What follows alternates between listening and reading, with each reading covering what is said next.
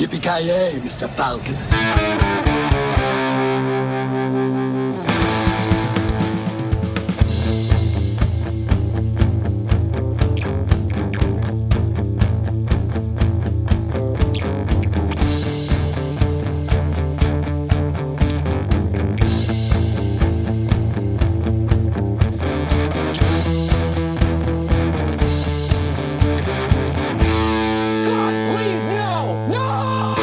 Tjena kära lyssnare, välkomna till Spelsmakarna! Jag kommer inte att låta det där du. Woo.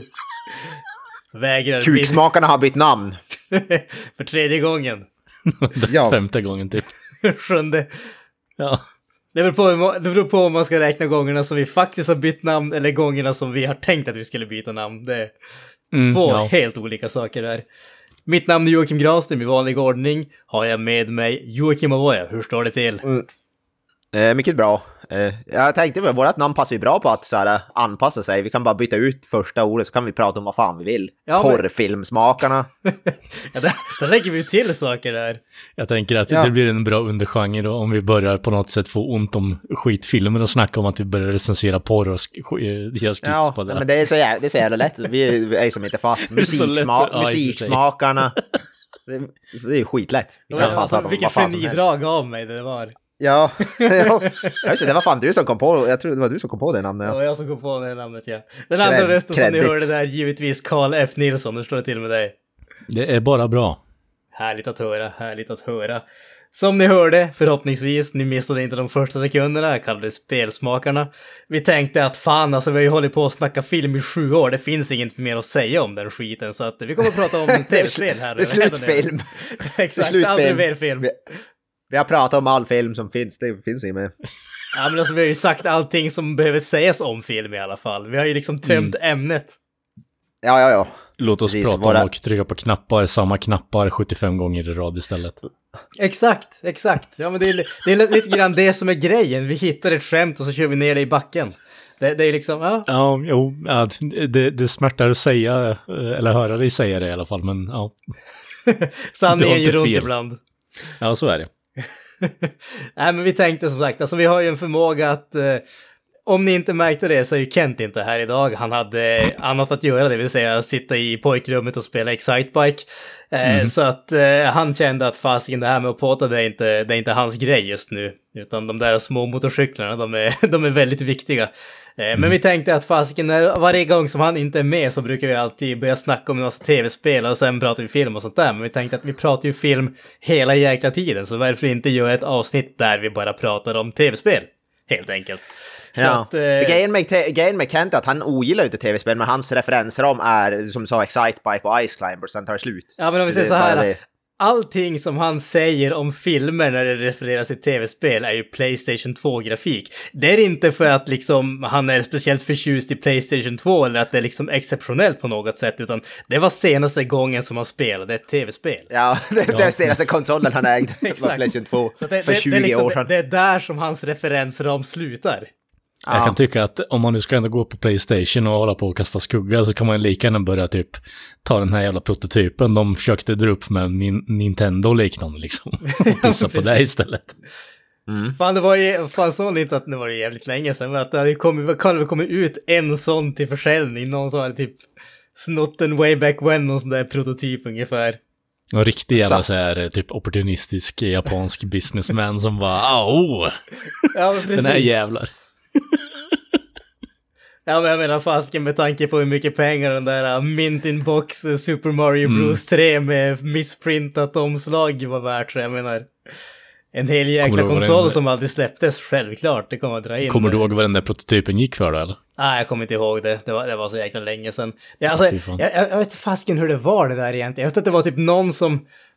Nu, nu är det fritt från minnet för jäkligt länge sedan. Jag tror att det var Mm. någon som hade typ, eh, någons farsa ungefär, som hade alltså jobbat för något av de här företagen. Han hade bara liksom en massa, så- alltså han hade bara så här massa skit ungefär som den tiden som Ja. hade jobbat. Och så hade de typ gått igenom det ungefär och hittat den här grejen och liksom vad fan är det här för någonting? Mm. Det är liksom ingen som, det, det såg inte ut som någonting annat och ingen kände igen det och sånt där. Eh, och så hade de, jag tror att de hade typ lagt ut bilder på det på internet för att de skulle liksom identifiera vad fan är det här. Och så hade någon liksom sagt att det där är ju liksom, det där är ju fan prototypen till det där samarbetet mellan Nintendo och Sony way back when ungefär. Och det visade sig att det var typ det. Så att Det jag- där är liksom, bara att de har hittat den här eh, prototypkonsolen och att det är bokstavligt talat en My Dad Works, eh, Worked at Nintendo-grej liksom, är helt underbar. Ja men precis. Var den fungerande? Vad sa du? Vet du, om- var det en fungerande prototyp eller var det bara alltså, ett skal, typ hur, alltså, hur den såg ut? Eller fungerade Det faktiskt är svårt att göra en fungerande när det inte fanns några spel till den direkt eller? Nej, precis. Alltså det, det är ju ingenting som, eh, det är ju ingenting som det fanns något spel till eller något sånt där, utan det var ju en grej. Eh, jag, drog bara, jag drog bara upp det, det är en ohyggligt ful konsol kan man säga. Ja, ja. Eh, men eh, den såldes tydligen för eh, 360 000 dollar, så 3,6 miljoner i runda slängar. Det är bra att ha som eh, liksom eh, isbrytare på bordet bara. Vad, vad har du där då? Ja men eh, du vet eh, Nintendo Son- Sony, det är startskottet här nu. Mm. Så jävla onödigt att lägga ut pengar på någonting du inte kan använda. Annat än att bara ha.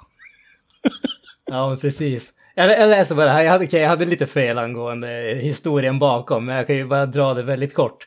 Eh, Det hade tydligen, eh, vad heter tillhört eh, Olaf Olafsson, eh, otroligt fantasifullt namn, eh, som eh, skapade eller som grundade Sony Interactive Entertainment. Eh, och sen så lämnade han Sony och började jobba för en massa andra företag. Eh, och vad heter det? Eh, det, det hade vi, vad heter det, N när han tog med sig grejerna från Sony vidare när han flyttade och, och bytte företag. Så nästa gång han bytte företag lämnade han tydligen kvar en massa grejer och en av de grejerna var tydligen den här uh, prototypen då. Och då sen gick företaget, så där han hade lämnat det, gick i konkurs och började säl- sälja ut massa grejer från typ sitt uh, office. Och då, det var i den, den vevan som de hittade den här grejen, den här konsolen som han hade glömt kvar. Nej, Jag gillar din version bättre där det är My Dad Worked at Nintendo liksom. Jag måste Eh, säga att det, det, min version var fan bättre där. Ja. Alltså, det, var den definitivt. Men, Men fan, ja. bortsett från... Alltså, undrar vad fan som skulle ha gjorts för spel till den. Kan ju fantisera. ja, Ja, det är väl bara att ta typ eh, vad som kom ut på Playstation först. Alltså jag tänker Crash exempelvis. Ja, ja typ. ja, någonting åt Men, det eh, hållet. Men jag tror inte som sagt att det är en så här världsomvälvande direkt, utan det var mer bara att det skulle vara typ någon jävla cartridge slash eh, CD-hybrid, eller hur var det?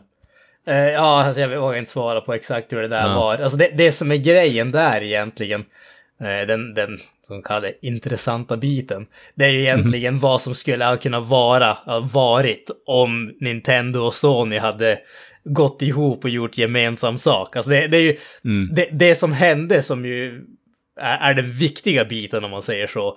Det var ju att eh, Nintendo liksom backstabbade ju Sony därför att Ja. de gick, gjorde ju partnerskap med Philips istället. Eh, och eh, Ja, det, det gjorde ju att Sony blev ju så förbannade krasst sett.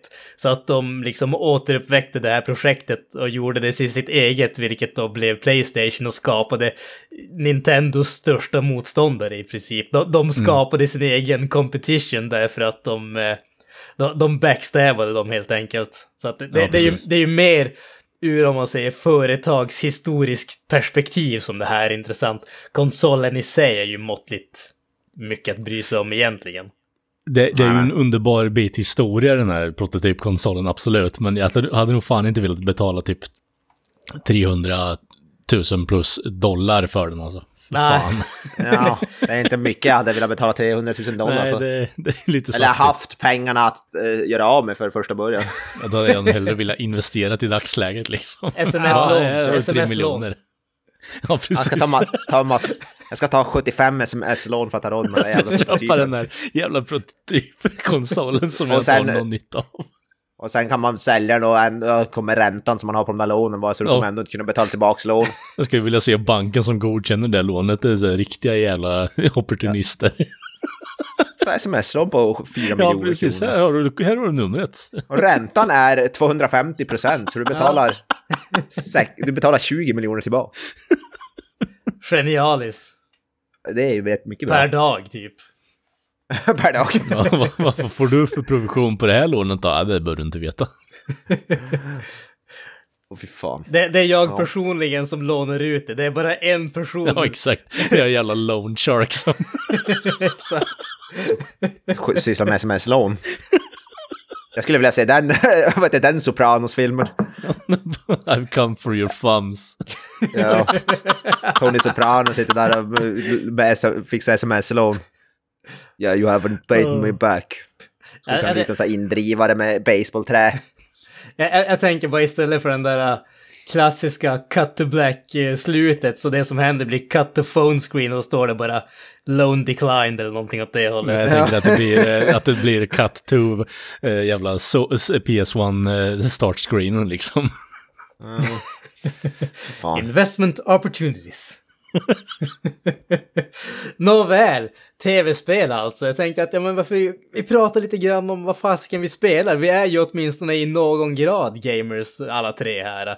Så jag menar, tror Någon att, grad, högsta grad skulle jag vilja säga. allt är väl relativt, men jag tror att Avoya, du känns ju som den som är mest gamer av oss i alla fall. Vad, sitter du och lirar på just nu? Och vad, spelar du på? Du har ju din PS5, är det den som går hett eller?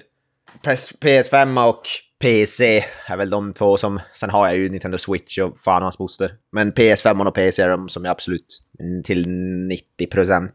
99 kanske till och med. Ibland kanske jag slår på Switchen och spelar Zelda. Men det är inte så jävla ofta. Eh, vad spelar jag just nu på? Jag har nyss klarat ut på PS5 Final Fantasy 16. Tog mig drygt 70 timmar, strax under 70 timmar. Nice. Vilket, vilket för de som vet vad ett JRPG är så är det ganska lite. Jo tack. 70 timmar. Det är som att du Persona liksom 5 bara väl- blåst igenom hela jävla spelet. Jag har faktiskt gjort typ allt som går att göra. Alla sidequests och alla mainquests och allting. Så det är ett ganska kort spel jämfört Mm. om man typ jämför med Persona 5 som vadå tar dubbelt så mycket kanske. Ja, Alltså, Nej, lä- lägg till 30 100 timmar timmar till. till. så då har du min genomspelning av Persona 5 Royal. Ja. Så att, Ja, precis.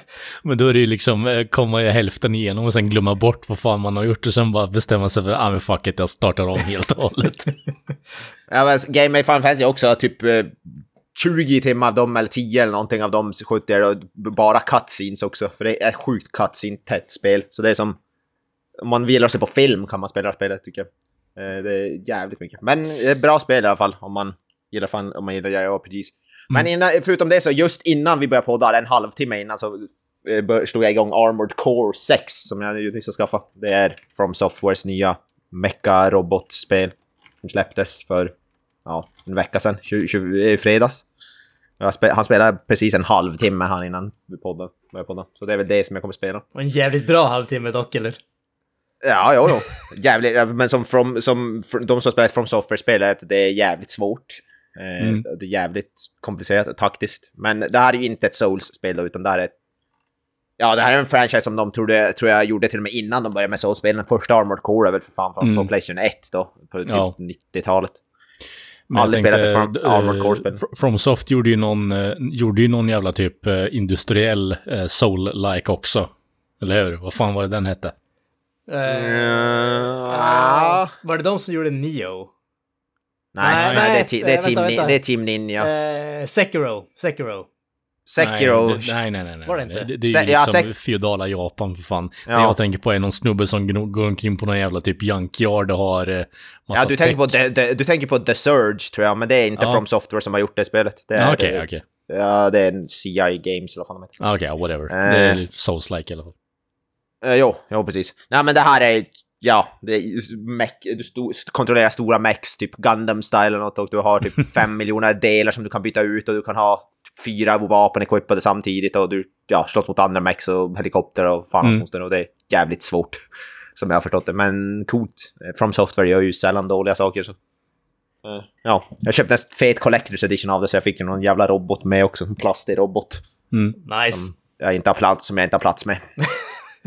jag, jag måste sluta, sluta med de här Collector's Edition, alltså det går inte. Jag har inte plats och ändå fortsätter jag köpa skiten. Jag, jag vet inte vad, vad fan som är felet. Nej, det var ett tag sedan man höll på med sånt här faktiskt. Det, det, jag, jag såg ingen, alltså jag ser absolut ingen fördel med det överhuvudtaget.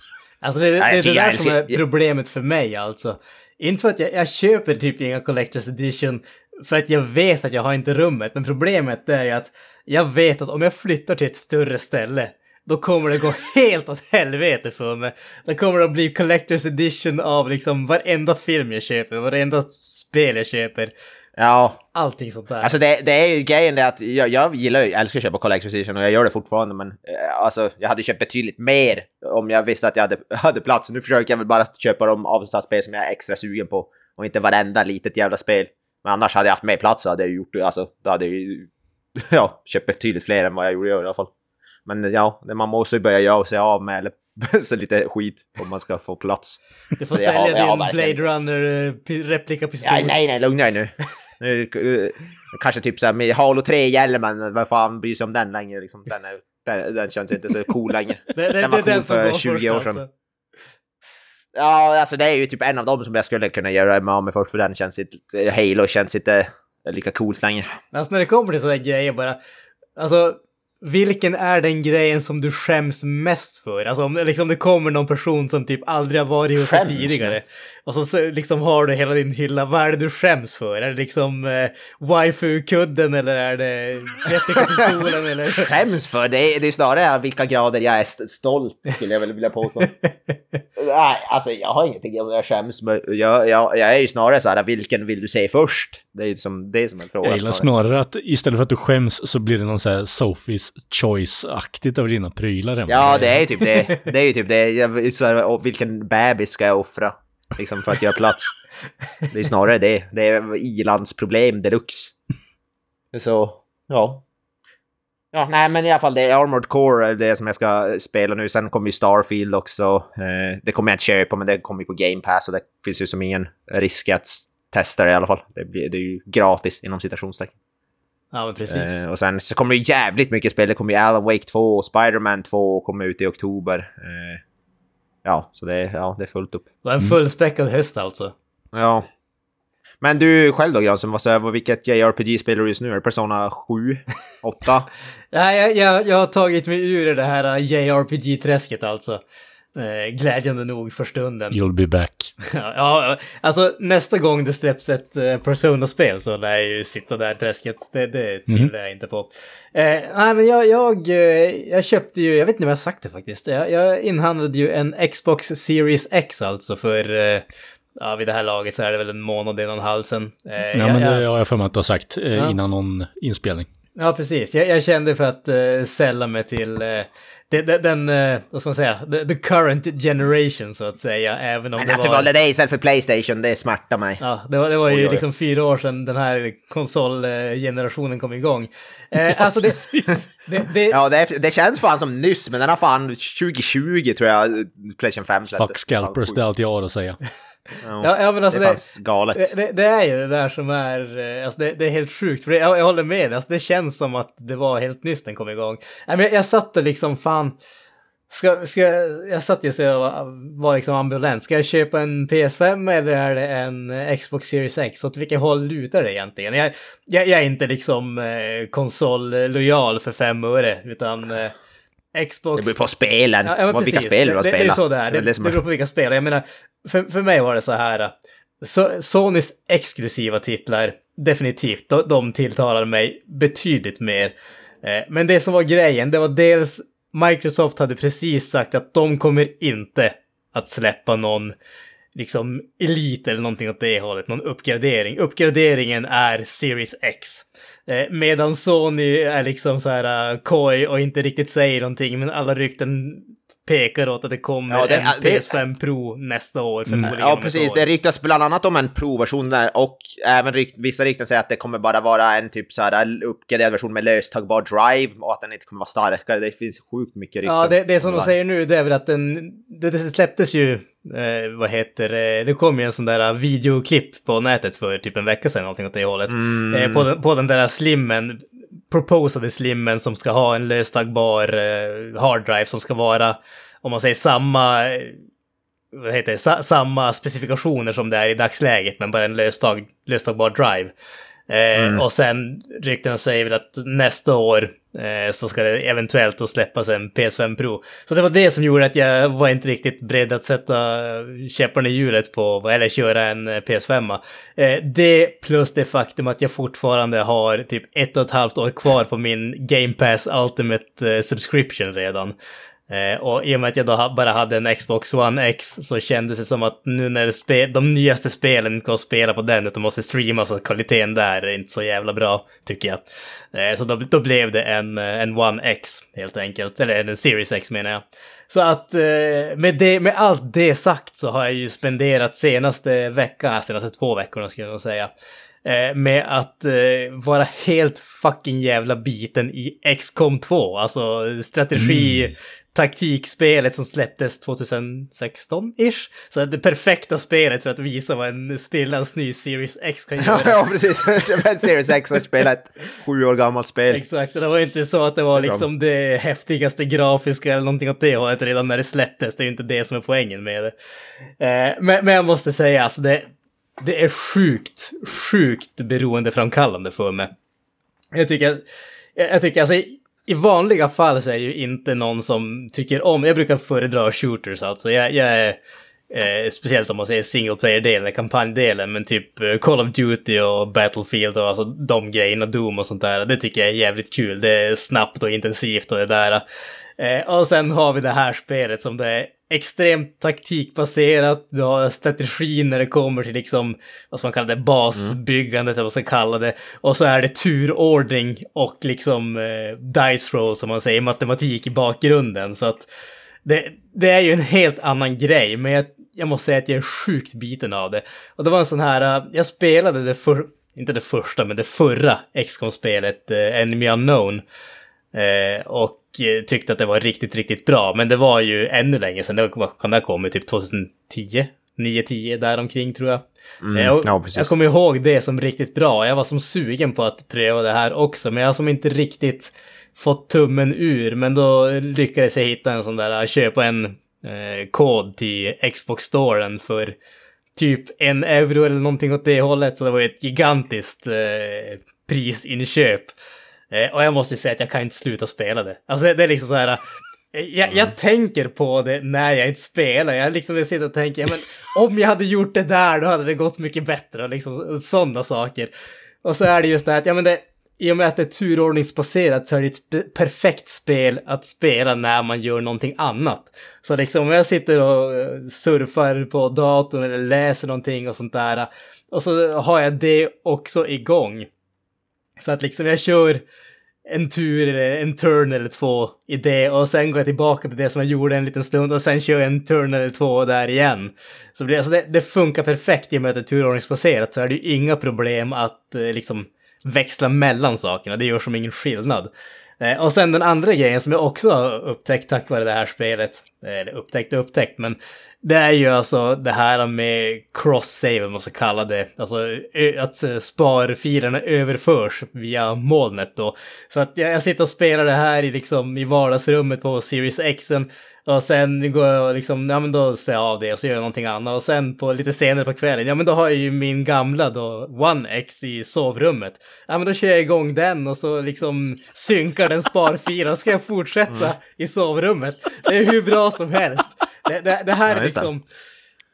Det, det här spelet är liksom knark för mig just nu känner jag. Jag tänkte precis säga att det vi hör på just nu, kära lyssnare, är gaming crack. Eh, och eh, det, är ett rop det. på hjälp för Mr Granström. Han har hållit på att prata om det här i fem minuter nu. Så Nej, nej, alltså det, det, det är på inget sätt ett, gro, ett rop för hjälp. Men å andra sidan så jag menar, så länge du tycker att kokain är jävligt kul så jag menar, då är det ju inget Ja, problem, eller hur? Ja, ja, ja alltså, eh, folk ja- på 70-talet eh, kan ju inte ha fel liksom. Exakt!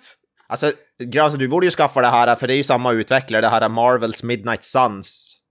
Är ju eh, X- X-com fast med Marvel-hjältar och det är gjort av samma utvecklare. Du, det ska ju du älska, du som gillar ändå superhjältar och sånt där. Alltså jag, har hört mycket gott om det. det, det. Jag vet inte, det är bara någonting som gör att jag inte är lika intresserad av det. Jag tycker att jag, jag vet inte, jag, jag tycker att det här med utomjordingsinvasionen och hela den biten tycker jag är mycket mer intressant helt enkelt. Ja. Eh, men sen får vi se Ja. vad som, vad, vad mer som, eh, som kommer. Jag ska erkänna att det, är inte, det här är inte det enda jag har spelat på, eh, på Series X, utan jag har även spelat, eh, tror två stycken av de senare Call of Duty-spelen. Jag, spelar, jag har spelat Modern Warfare remaken, eh, både ettan och tvåan, och trean kommer ju senare i höst.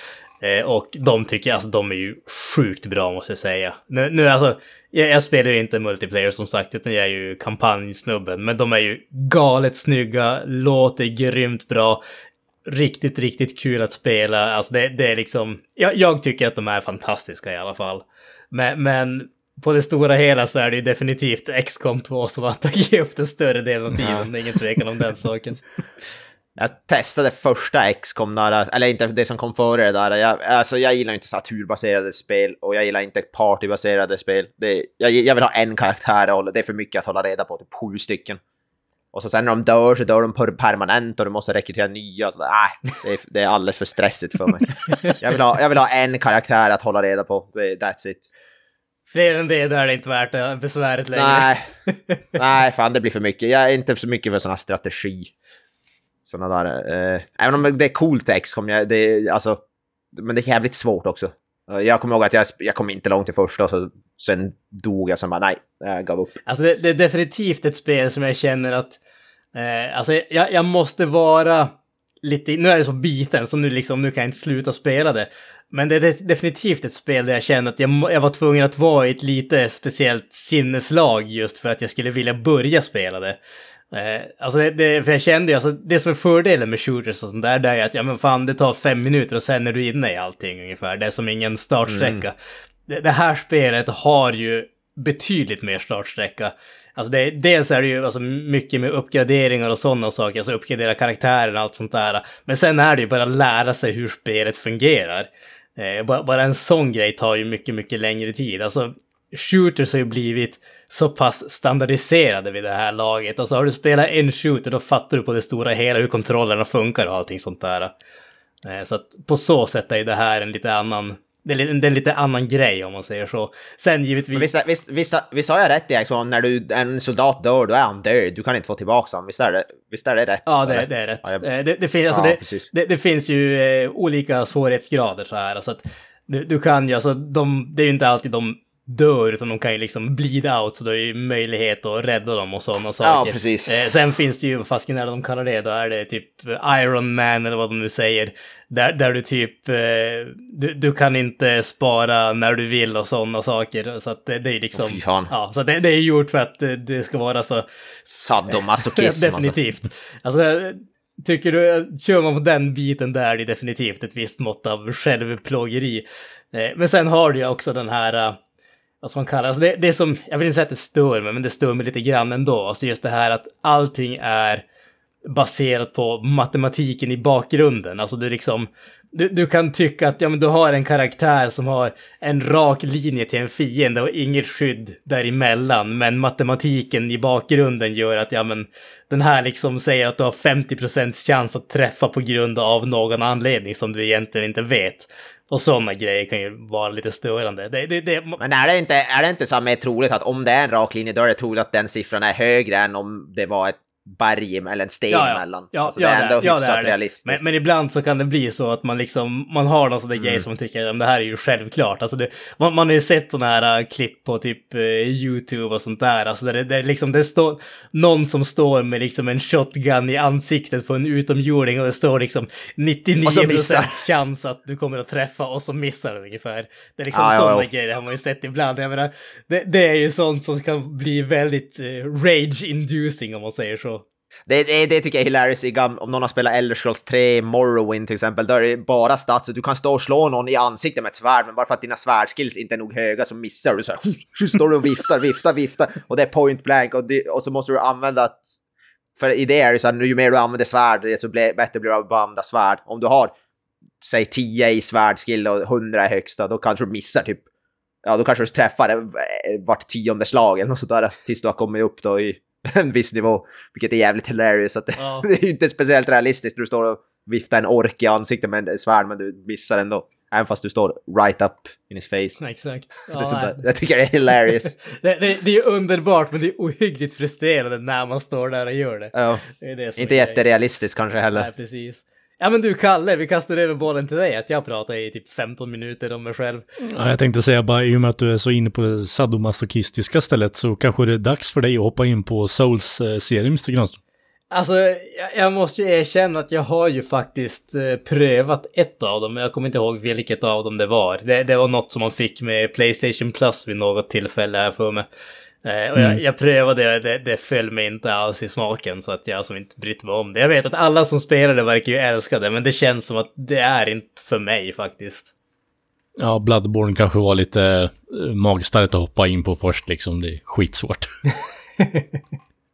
Nej, men eh, ja, i och med att Mr. Granström gick in på klassiker så har jag också, gått in på klassiker i, i en aspekt i alla fall. Jag har ju börjat spela pixelspel Oj, oj, oj. igen. är, är du tillbaka på originalkonsoler eller? Nej, jag är inte tillbaka på originalkonsoler utan det är ju Indie Devs jag är inne på nu. Ja. Så eh, Blasphemous 2 har ju precis kommit ut och eh, jag hoppar tillbaka på ettan för jag har inte slagit till riktigt än. Eh, kan man kalla det lite Metroidvania-aktigt. Eh, du utforskar en karta liksom och du är en eh, så här, crusader för eh, the Christian cause typ. Och eh, väldigt gorigt, väldigt soulsaktigt. Eh, right up my fucking alley. Alltså det är är väldigt bra. Ja, det ger riktigt, riktigt bra atmosfär i det här spelet där, faktiskt. Jag, jag har klarat ut första Blasphemous. Jag var en av de som backade det på, eh, Mm. på Kickstarter. Way back in the day. Det, är- det är bra. Mm. Fan. Men som sagt, eh, jag hoppade tillbaka på ettan och eh, bara för att tvåan var på G ut så tänkte jag, ja men fan jag, jag är rätt sugen på att slå till i alla fall. Men så återigen, eh, fastnar man i ett spel så fastnar man i ett spel. Så jag har suttit och nött dels där och bara kommit in i det. Jag startar från scratch, eh, klarat det innan också, så inga konstigheter där. Men eh, fortfarande ett, eh, ett sådär spel som man har glömt bort, men ändå kommer man in i det igen så blir det så här, ja men fan, just det, det här är ju 10 av 10 typ. Och eh, Väldigt så mycket spansk, det är ju typ, ja, det är ju spansk utvecklare, det är så här spansk religion och spansk kristenhet och det är väldigt mycket sånt där. Och Mm. Mycket jävligt så här- disturbing imagery. Ja, precis. Väldigt berserk och lite sånt eh, är det. Ja. Så det är ju väldigt så här eh, i linje med Souls-serien också då. Så, Och det är ju bokstavligt talat sadomasochism och typ svärdet han har det typ så så barbed wire och han typ... Alltså det är så jävla sjukt. Typ allt handlar om att plåga sig själv. ja men precis, det är ju väldigt så här, eh, vad blir det, katolskt tänk. Ja, jag tror- jag att, tror det är eh, katolskt. Genom lidande så kommer du nå någon upphöjning på något sätt. Alltså att du kommer bli, få rich enlightenment. Det är lite det som är baktanken eh, i, i handlingen med spelet. Att du på något sätt ska ta dig vidare och ja, du går ju emot kyrkan i vissa fall också då. Så du, Ja. det blir lite... Bara första bossen ku- kuttar han upp så här, så fyller han sin hjälm med blod och drar på sig Ja. den över skallen. Av någon jävla anledning. Som dränker sig själv i blod. Det är jävligt... Väldigt metal i alla fall kan man väl säga Ja, att det är spelet sjukt alltså. metal. Ja. Det låter ju Jävligt jävligt, coolt måste jag säga. Det- Jag tycker ändå att det borde vara eh, på något sätt ditt håll också, Mr. Granström faktiskt. För det är som sagt, Ja, men gillar Metroidvanias. är det mm, dels det och Berserk bland annat då. Eh, och det vet jag ju att eh, Granis gör. Så Mm. Yes.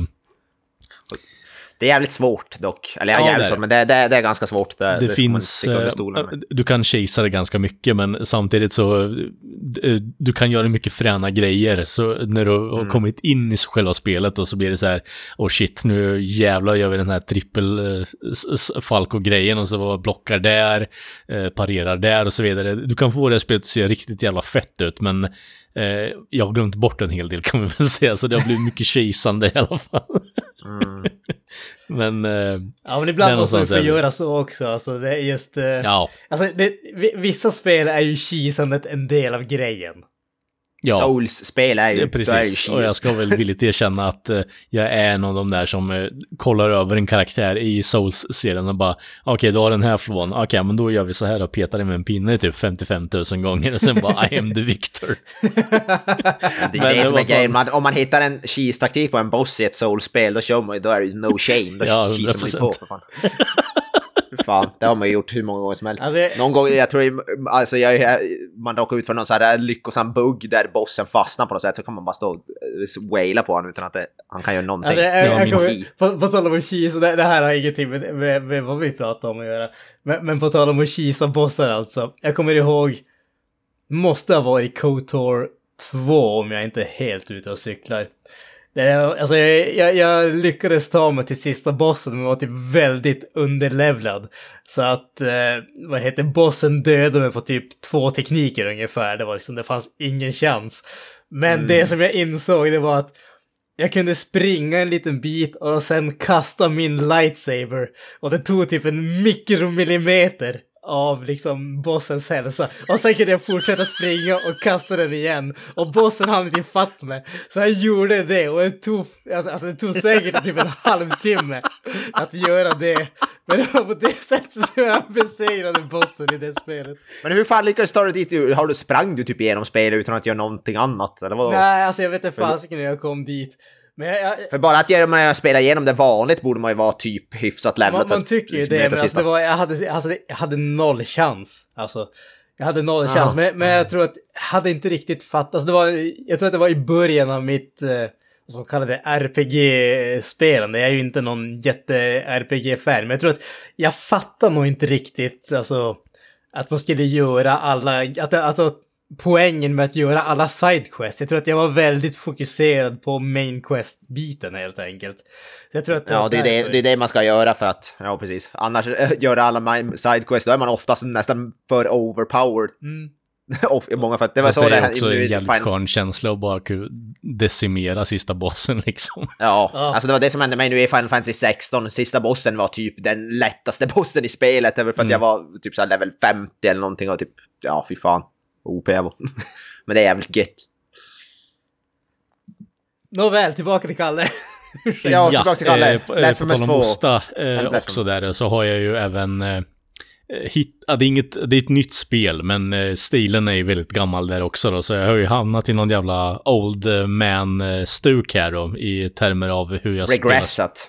Exakt, i stilmässigt i alla fall, så Ja, precis. Eh, jag är inget stort Sonic-fan, eh, relativt stort Mario-fan när det begav sig. Och eh, till min stora förvåning så har det ju, ja, det är ju ett tag sedan det kom ut, men eh, ett spel som eh, kombinerar de här två eh, powerhouserna då, och det är ju ute på PC, så jag tänkte jag slår till, för jag har sett massa streamers spela det och det ser lite halvkaotiskt och crazy as fuck ut. Och det är ju då Pizza Tower, eh, har jag spelat. P- äh, Pizza Tower, jo det har jag fan Mm. hört talas om. Man spelar som någon tjock gubbe typ. Ja, sp- för du, spelar som en fet pizzabagare som heter Pepino eh, Spaghetti. Just det, ja. De pratar om det här i en podd som jag lyssnar på. Och eh, ja, jag vet inte riktigt. Eh, återigen, inget så här Super Sonic-fan, men eh, den här pizzabagaren är ju liksom då huge in depth. Och det är då en stor jävla pizza conglomerate som är bokstavligt talat ett stort pizza-face liksom. eh, som kommer och ska ta över hans pizza och typ bara skjuta en laser på den. Och eh, spelet går ut på att du ska upp på toppen på det här pizzatornet och eh, eh, förstöra det pizzakonglomeratet då på något sätt. Så, eh, och det är ju väldigt så här speedrun-aktigt, du ska hitta vägar igenom, det är plattforming, eh, det är collections och så vidare och det är parering, det är fighting, det är alltså det, det är nog det mest eh, ADHD-drabbade spelet jag någonsin spelat och jag älskar det. Alltså, det, vad, det, är det för typ av spel? det, det är liksom plattforming, det, det är eh, eh, action, det är eh, alltså fart. Ja. Det är, alltså, det är svårt att beskriva Granis. Det, är, det måste upplevas på något sätt. Och, har du tid efter och är liksom sugen på att kolla bara på en speedrun på Pizza Tower, för det är liksom det mest psykotiska du kan kolla på just nu tror jag. Är inte man ska klättra så högt upp i det jävla tornet som möjligt typ, eller något? Fan, Ja, där. precis. Och sen är det ju, du ska ju ta dig igenom olika levlar så snabbt som möjligt sen efter, Mm. på slutet då. Men eh, under resans gång så har du ju massa collections, eller collectibles, som du kan ta för att få upp din score då. Och eh, det, det är ju så här ett, eh, vad ska man säga, det är ett betygsbaserat spel. Så du kan ju få en eh, P-rank och det är du ska inte ta någon, du ska inte ta någon skada under den här eh, eh, playthroughen då. Du ska spela eh, leveln två, alltså eh, två gånger i rad. eh, innan du avslutar den. Och den andra gången så blir du ju då jagad av diverse saker. Eh, bland annat det stora jävla pizzahuvudet då. Eh, och eh, det är inte mycket rum för eh, error om vi säger så. Det är jävligt stressande är det. Men väldigt tillfredsställande när du lyckas. jag har bara, vad heter det, S-rankat en level än så länge och jag höll på att typ tappa det lilla hår jag har kvar på huvudet. Så, men fruktansvärt roligt. F- väldigt kul att se att man kan ta, vet du Sonic på ett helt annat spår för det här är ja, det är smått psykotiskt, men det, det, är, så här, det är fortfarande så här, lite som du hade med XCOM där, att det blir så här gaming crack. Att du, du ser ändå att jag kan göra det här på något sätt, men jag vet inte riktigt vad det är. Så det är lite det här eh, upptäckandets behag på något sätt. Att, att man får verkligen den här aha-känslan. Och sen kommer ju det här jävla kruxet. Hur fan gör jag det fysiskt då? det är ju det också. Det är liksom det här, det här ett, bara ett försök till, bara ett försök till. Ja, för jag precis. vet att jag kan Exakt göra det, jag vet att jag kan göra Exakt det. så. Exakt så. Det var som när han spelade Super Meat Boy back in the Jag- jag day. tänkte Det var exakt på det precision. Det spelet jag är också. exakt den känslan är det. Exakt den känslan. Det, där är det väldigt viktigt att spela så här precisionsexakta kontroller. Det får Ja, inte vara det, någon det har det. delay. och- Det har det. Alltså, och det är det som är så sjukt eh, tillfredsställande på något sätt också. Animationen är väldigt eh, slick. Eh, kontrollerna är jävligt slick. Eh, Så teamet som eh, är en eh, indie-studio då är ju, alltså fucking kudos rakt igenom. Det här är, det är nästan gränsfall på att den förtjänar Game of the Year alltså faktiskt. Det är väldigt slickt. Alltså, det, det jag tänker bara när du säger det där just att det kräver väldigt bra kontroller. Alltså just när det kommer till sådana här spel så är det två, för mig så är det två grejer. Kontrollerna är en grej, men den andra det är alltså om du dör så ska det ta typ två sekunder innan du är igång igen. Då, Typ, eh, Det var ju nästan generöst eh, pessimistiskt. Det ska vara en millisekund. Det ska bara respawna direkt. ja, ja men så är det. Alltså, du, liksom, du, du ska ju inte vänta alltså, överhuvudtaget. Du ska ju känna att ja men fan så fort du är inne i det här liksom flowet så dör du så är, tar, tar sig inte ut ur flowet. Du bara fortsätter med en gång och kan köra vidare. Ja, eh, grejen med det här spelet är ju då att du kan ju inte dö tekniskt sett på det här, utan det är om du, det pizzafacet rör dig, då är det ju kört. Då måste du starta om leveln helt och hållet. Och det är ju kanske det största problemet, men du, du tar inte skada. Eller du tar skada, men du dör inte om du träffar på någon jävla minion som bara slår dig liksom. Spelet fortsätter och du kommer ur det här tempot. Och det är väl mer det liksom som är lite, vad ska man säga, eh, stressinjagande på något sätt. Att, ah shit, fan nu tappar jag tempot på det där för att jag inte parerar den här jäveln som var i vägen för mig. Och han han sätta dit spjutet innan jag liksom han parera. Så det är ju jäv- jävligt mycket timing i spelet också som eh, eh, behövs. Och det, det är fan svårt ibland alltså, för det går så jävla snabbt. Mm. Ja, det finns mycket sådana där, jag hade, jag hade nog sådana, ja, det finns ett spel som heter Hollow Knight som är egentligen ett Metroidvania också, men då, där finns det också mycket sådär. Det finns en bana som heter Path of Pain och då, så, så du ska hoppa typ på taggar, du ska, och måste såhär, nail, du kan slå ner, om du slår ner i backen så kan du studsa på taggarna och så ska du göra det och hoppa på en liten plattform och sen Mm. hoppa på en fiende och slå den så studsar du dit. Oh, fan. Underbart Ja, spel mycket som bra. eh, förhoppningsvis får en uppföljare i år då. Eh, Ja, Silksong, det verkar ju vara någon slags, eh, vad heter det, myt det där spelet. Jag vet inte- jag är inte säker på att det jävla spelet existerar. Nej, jag vill, jag vill jättegärna att det existerar med tanke på att Ja, Hollow Knight ja, då är är underbart också. Ja, nog existerar det, men helvete vad det där spelet varit under Det har tagit tid i alla fall, så mycket kan vi konstatera. Ja. ja, Hollow Knight är grymt i alla fall. Men ja. Yes. Eh, Ja men alltså på tal, om, på tal om Mario där så hade vi fått lite nyheter angående Charles Martinet, eller Martinet, jag vet inte vad man ska uttala det igen. Martin, Martinet Martinet. är det väl? Martinet! Eh, det är ju alltså han Martinet. som har eh, gjort rösten till Mario i eh, spelen under väldigt, väldigt lång tid, tror början av 90-talet ungefär. Sen Su- Super Mario 64 Ja, var det första han gjorde. mitten av 90-talet då. Va- när- Ja, precis, när nu det spelet kom ut. Ja, precis. 97, 96. 96. Ja, men det... Sex, ja. Mitten på 90-talet, som sagt. Eh, men nu har vi, nu har vi alltså fått reda på att eh, han har eh, lagt, eh, lagt Mario åt sidan, höll jag på att säga. Han har lagt röstskådespeleriet för Mario åt sidan i alla fall. Eh, och eh, kommer att eh, inte göra rösten längre till några spel. Eh, däremot så skulle han ju vara en, vad sa han, Mario Mario... Ambassador. Am, Ja, vad nu fan det innebär, det vet ingen. Exakt, så att eh, han, han kommer att eh, vara ambassadör för Mario på något som helst sätt, men eh, han kommer inte att göra rösten i spelen längre. Eh, kan ju vara värt att nämna bara för sakens skull att han gjorde ju inte rösten till eh, filmen heller. Eh, han gjorde ju en cameo som rösten till eh, Mario Lidis farsa, men det är ju Chris Pratt som gör rösten till Mario där. Mm. Mm. Och jag har hört någon, läsa någonstans att de Förmodligen är det för att de kanske Nintendo i framtiden vill att Mario ska ha mer personlighet och vara mer som filmen. Så kanske därför att Charles Martinet inte ska göra rösten. För han säger ju bara It's a me Mario typ och gör ljud. Och det kanske, de kanske vill ha den mer, mer som filmen och därför kommer jag anställa någon som faktiskt kan prata. Det känns som att det kommer ta hela grejen med Mario-karaktären lite åt sidan. Jag tror de kommer göra exakt som de har planerat att göra med James Earl Jones. De kommer ta alla jaha, woho, jippi som Martinet har gjort under åren och bara göra någon form av AI. Ja. Det tror jag mer på. Alltså jag, jag, jag skulle inte förvåna mig. Alltså, inte för att vara den, men Nintendo är väl lite småkända för att vara halvsnåla om man säger så. Alltså de tycker, Eh, om, ja, de, de tycker om att eh, chargea folk för de, grejerna som har sålts och liksom sådana saker så att säga.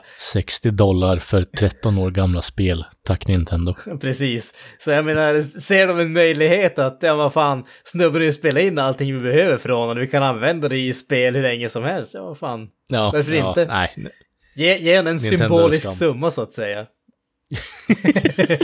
Jag vet inte fan alltså om det, ja, om de skulle komma undan med det, vi får se. Jag är inte helt övertygad om att det, att det kommer bli så. Jag vet inte fan, det, det skulle bli så jävla uppror om folk märker att de har Charles Martinet i röst men inte har han då, jag tror det, det skulle bli så, så jävla mycket negativ press åt dem så jag vet inte fan om de Jag, skulle jag menar, vi skämtade ju om det att uh, Martin A har precis krypit ur Miyamotos källare liksom och brutit sig fri innan vi spelade in här nu, så Exakt, jag menar, han, Det- han, han har ju spenderat de senaste åren i den källan för att spe, spela in alla de här grejerna. Det, är- det är det som är grejen.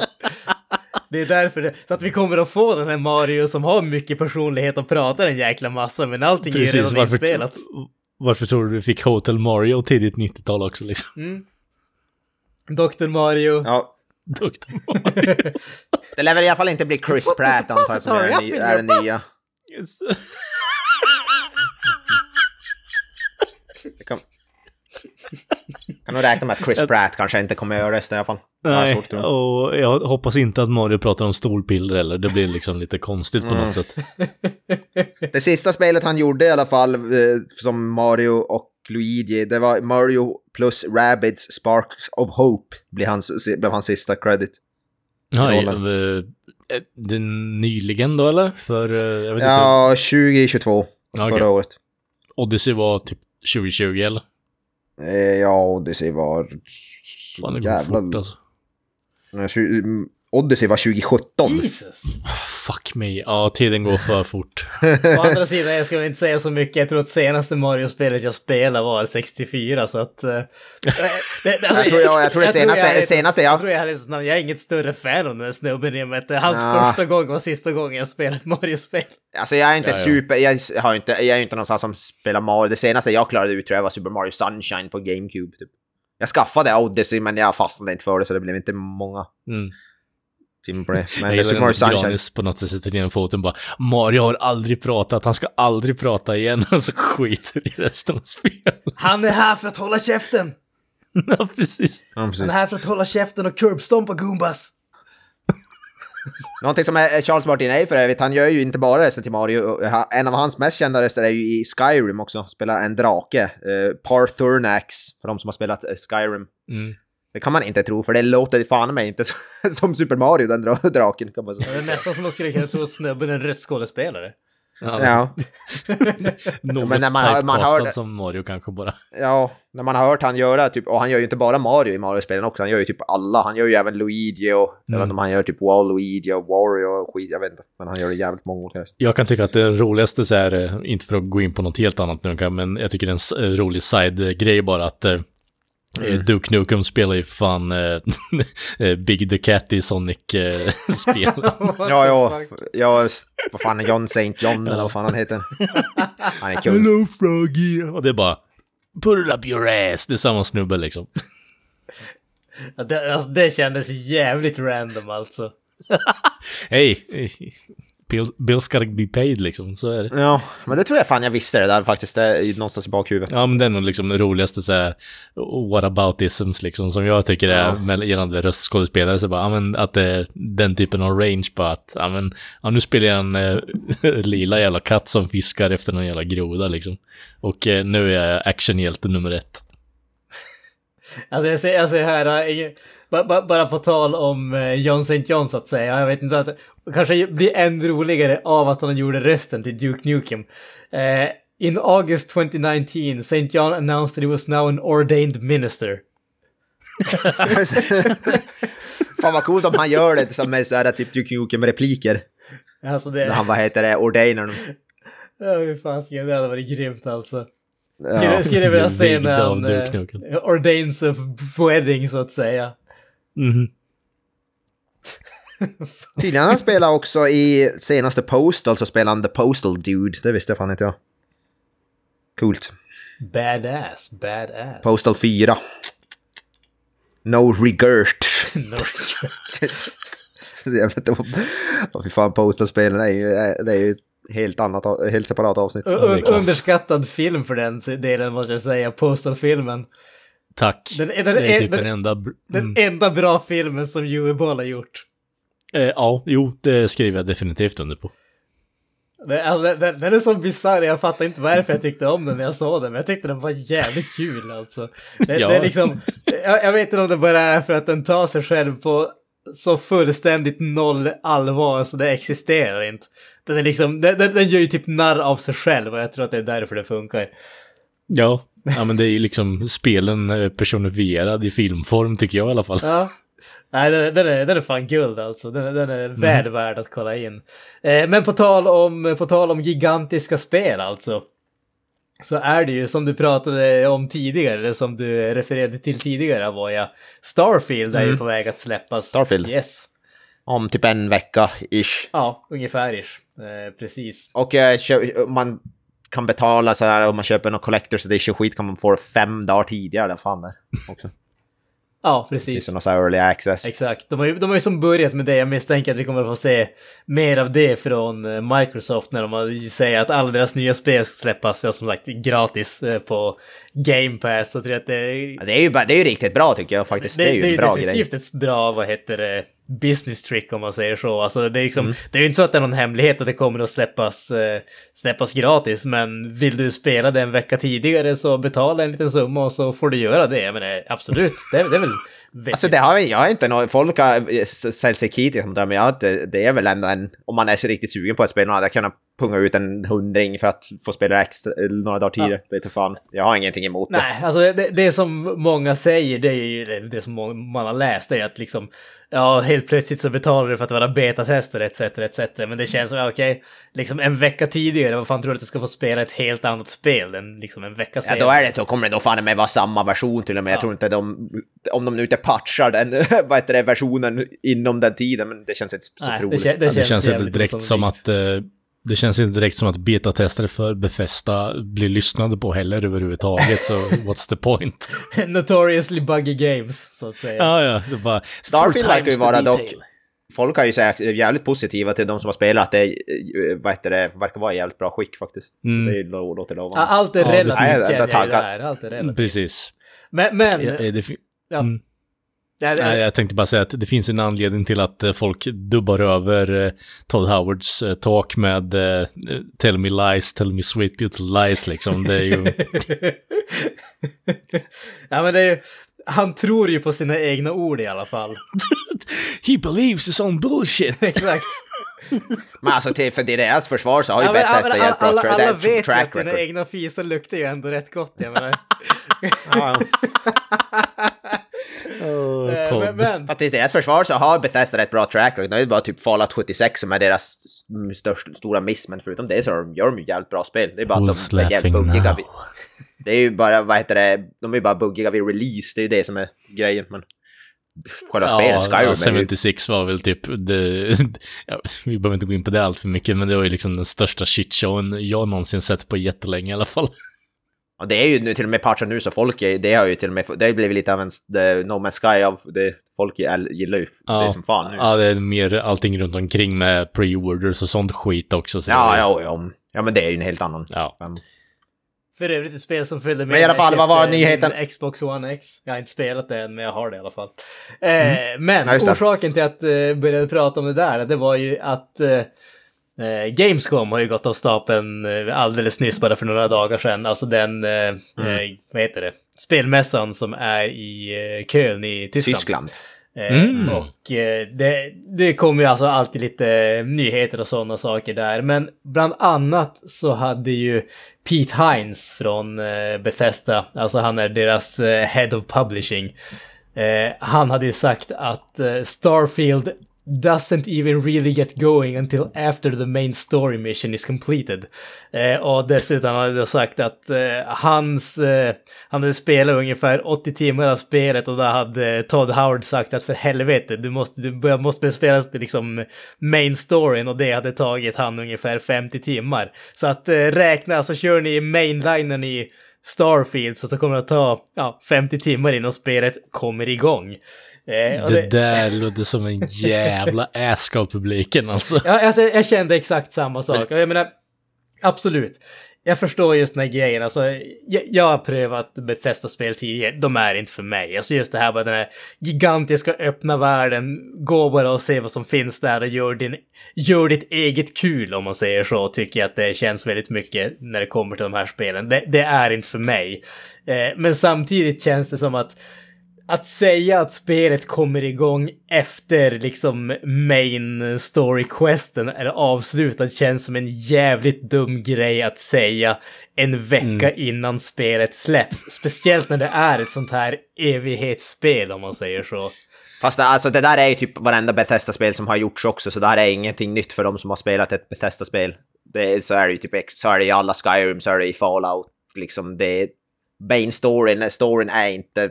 Det är inte det man är där för, liksom. Ingen spelar Skyrim för att spela igenom main questet, alltså det är, det är som en bonusgrej. Så har det varit i alla Elder Scrolls-spel sen, ja, i alla fall Morrowind. Så alltså, är det tidigaste jag spelat? Så Ge liksom- tillbaka Fallout till Obsidian, det är allt jag har att säga. ja, precis. Ja, Fallout 3 är ju fan ett av de bästa spelen som någonsin har gjorts och det var gjort av Bethesda. Men, men alltså, då, börjar jag bara tänka här, eh, inte för att det, det har någonting med, det är inget rätt eller fel och sånt där. Men vad tycker ni är liksom en bra längd för ett spel? Alltså nu, nu som sagt, eh, vad heter det? Ja, det finns nog inget... Ja, Nej, fortsätt. jag ska säga, alltså, för det, det, det man hör mycket det är alltså det här äh, valuta för pengarna. Folk som blir sura för att ett spel inte tar tillräckligt länge att liksom klara ut. Samtidigt som givetvis om folk håller på att spela ett 100 timmars spel och spelet är liksom mediokert, men du ska spela det hur länge som helst för att få ut eh, liksom få, få dina money's worth så att säga. Finns det något liksom för, för jag, alltså jag, jag är ändå med relativt få undantag, alltså som jag ser det, alltså visst, är några RPG-spel, eh, Persona 5 som ju då är Royal som ju är med gigantisk marginal, det spel som har tagit absolut längst för mig att spela. Eh, så är, alltså jag, jag är definitivt en sån som tycker att Eh, Eh, under 10 timmar, det är definitivt att föredra för min del. Jag tycker om, alltså, jag vet att folk klagar på de här nya Call of Duty-spelen, att de tar typ 6, 7, 8 timmar att klara ut. Jag tycker att det är perfekt, för då, kan jag, då vet jag att ja, men jag hinner spela det här på en helg. Det är liksom, det, det är guld värt för mig, för jag, liksom jag tänker sån här, alltså jag vet fan, jag tycker jag spelar Persona 5 Royal, jag spelade typ all min fritid, jag var typ helt besatt med med det. Och det tog ändå typ två månader att spela det, och det är liksom, Visst, spelet är jävligt bra, men det är fan inte värt den tiden för mig. Alltså, det, det där är, finns inget en, ett svar på det där, för det finns... Nej.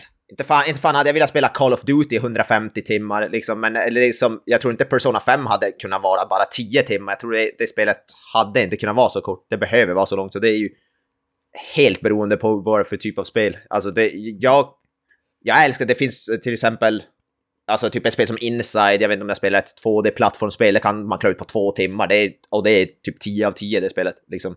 Samma med Witcher 5, Witcher 5, Witcher 3 tog mig 150 timmar tror jag med DLCerna och det var ju fan, det är också 10 av 10 liksom, så det, är, det, fin, det finns absolut inget enkelt svar.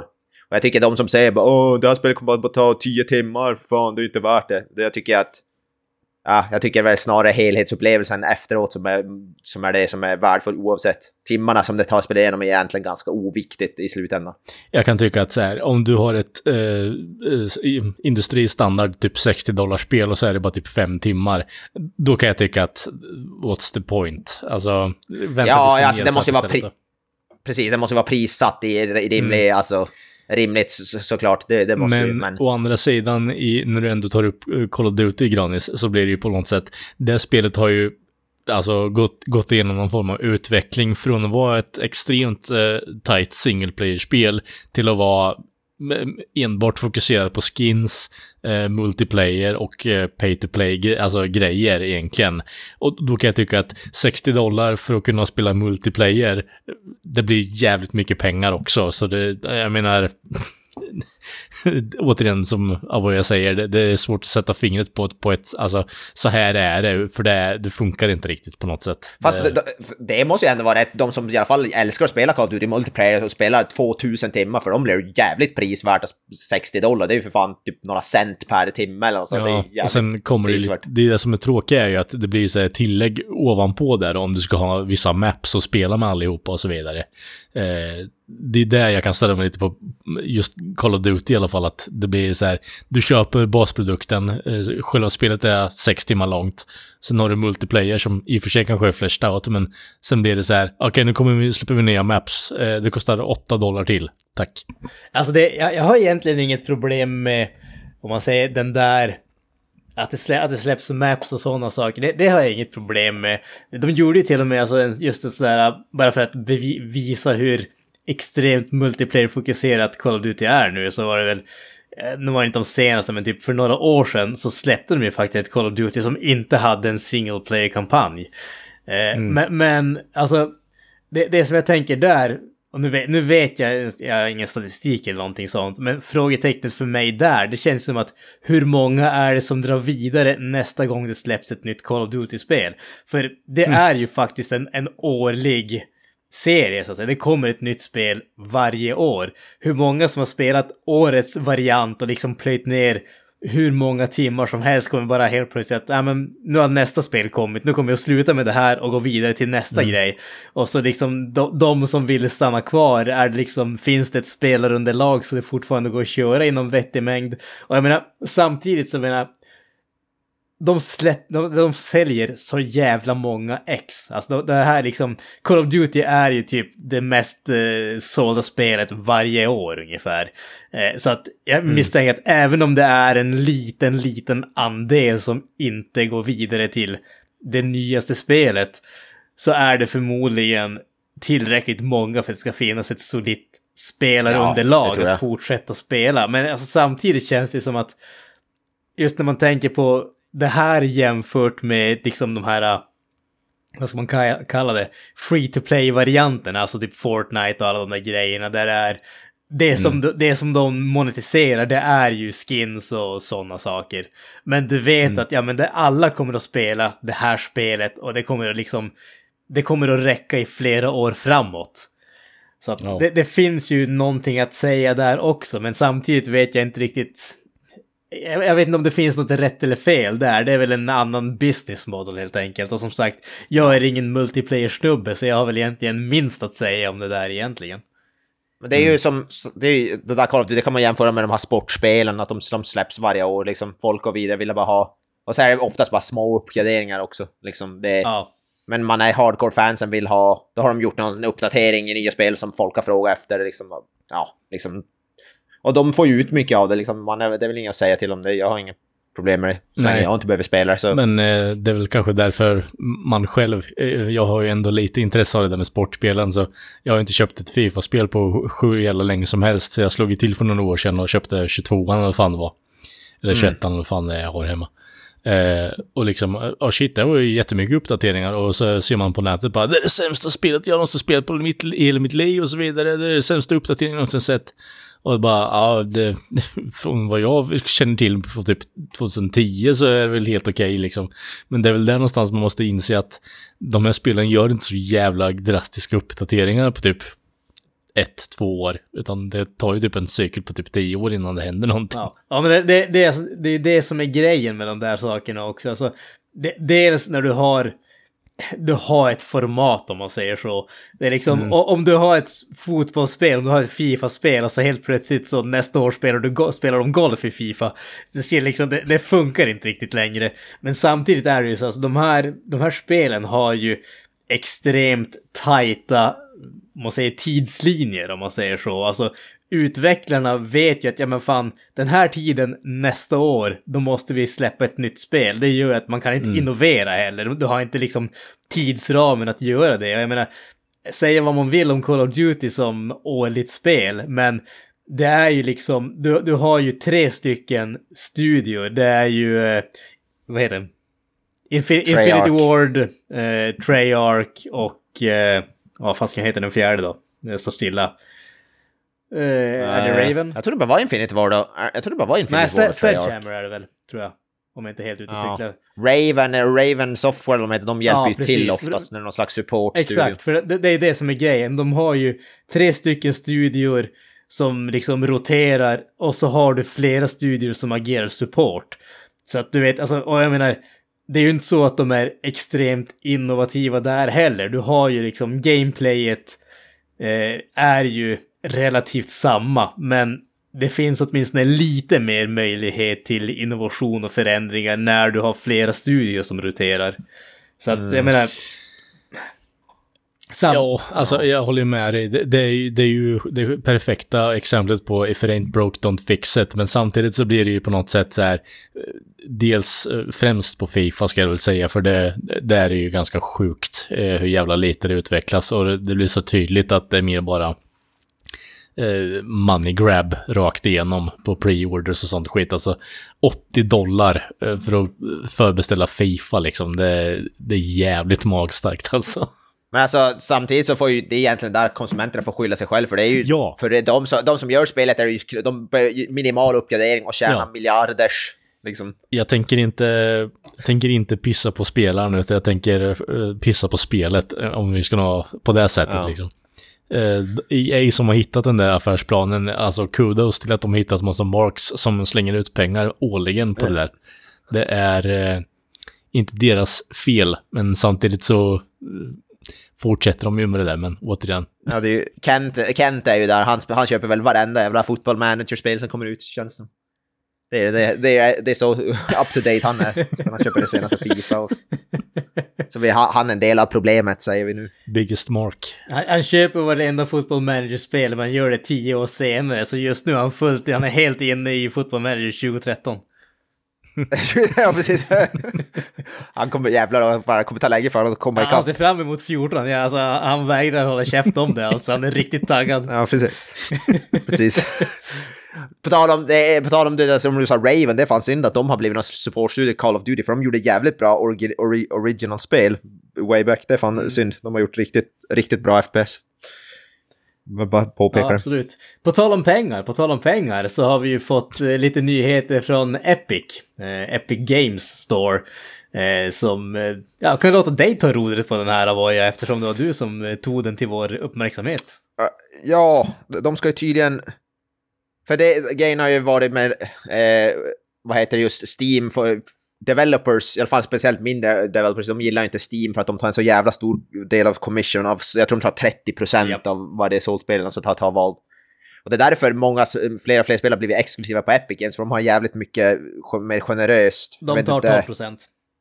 12 procent, ja precis. Eh, så det är ju ganska förståeligt att de vill hellre gå till Epic Games. Och nu ska de, Epic Games lansera någonting som t- där det är 100 procent till utvecklarna. Eh, Och då med den eh, haken att det ska vara exklusivt på Epic Games Store. Tydligen. Eh, Ja, det ska vara exklusivt i sex månader till Epic Games Store och då Mm. får utvecklaren 100% av eh, intäkterna och sen efter de där sex månaderna då går det tillbaka så att Epic tar 12% och så får de släppa Ja. den vart som helst så att säga. Ja, och det låter ju faktiskt, det är det jag är helt för, för eh, vad heter det, även om, även om jag eh, använder Steam som precis alla andra så tycker jag ju, de är ju, alltså Valve är ju också, det är jävligt snålt av dem att ta rätt. Alla är kritiska till det där och folk, egentligen, en anledning till att studier släpper spel på Steam det är för att de känner att de egentligen måste för att det är där publiken Ja. finns. Men egentligen, jag tror de hade ja, de, de vill ju som inte göra det för, som sagt, Valve snåla jävlar, uppenbarligen. De bara sitter och trycker på pengarna och vägrar släppa Half-Life 3. Liksom, det är det de, det de gör. Uh, och därför jag, jag har inget emot att använda Epic Games Store. Jag är inte en av de där som bara du släpps bara på Epic Games Store och då bojkottar det. Jag har absolut inga problem med det. Så jag tycker det bara är bra att Epic Games, vad heter det, kanske de får Steam då att dra ner på sina jävla, jävla ockerpriser så att säga. Så jag tycker bara det är bra med sån där det, det, här, ja, mot, alltså, mot det, det, här är ju en grej som jag, jag har... Jag spelar inte på datorn. Jag har Epic Games Store för man får... Eh, eller jag har launcher för man får ju gratis spel varje vecka. Så att jag laddar ner dem. Alltså, jag har inte spelat något av dem än. Jag har ingen speldator.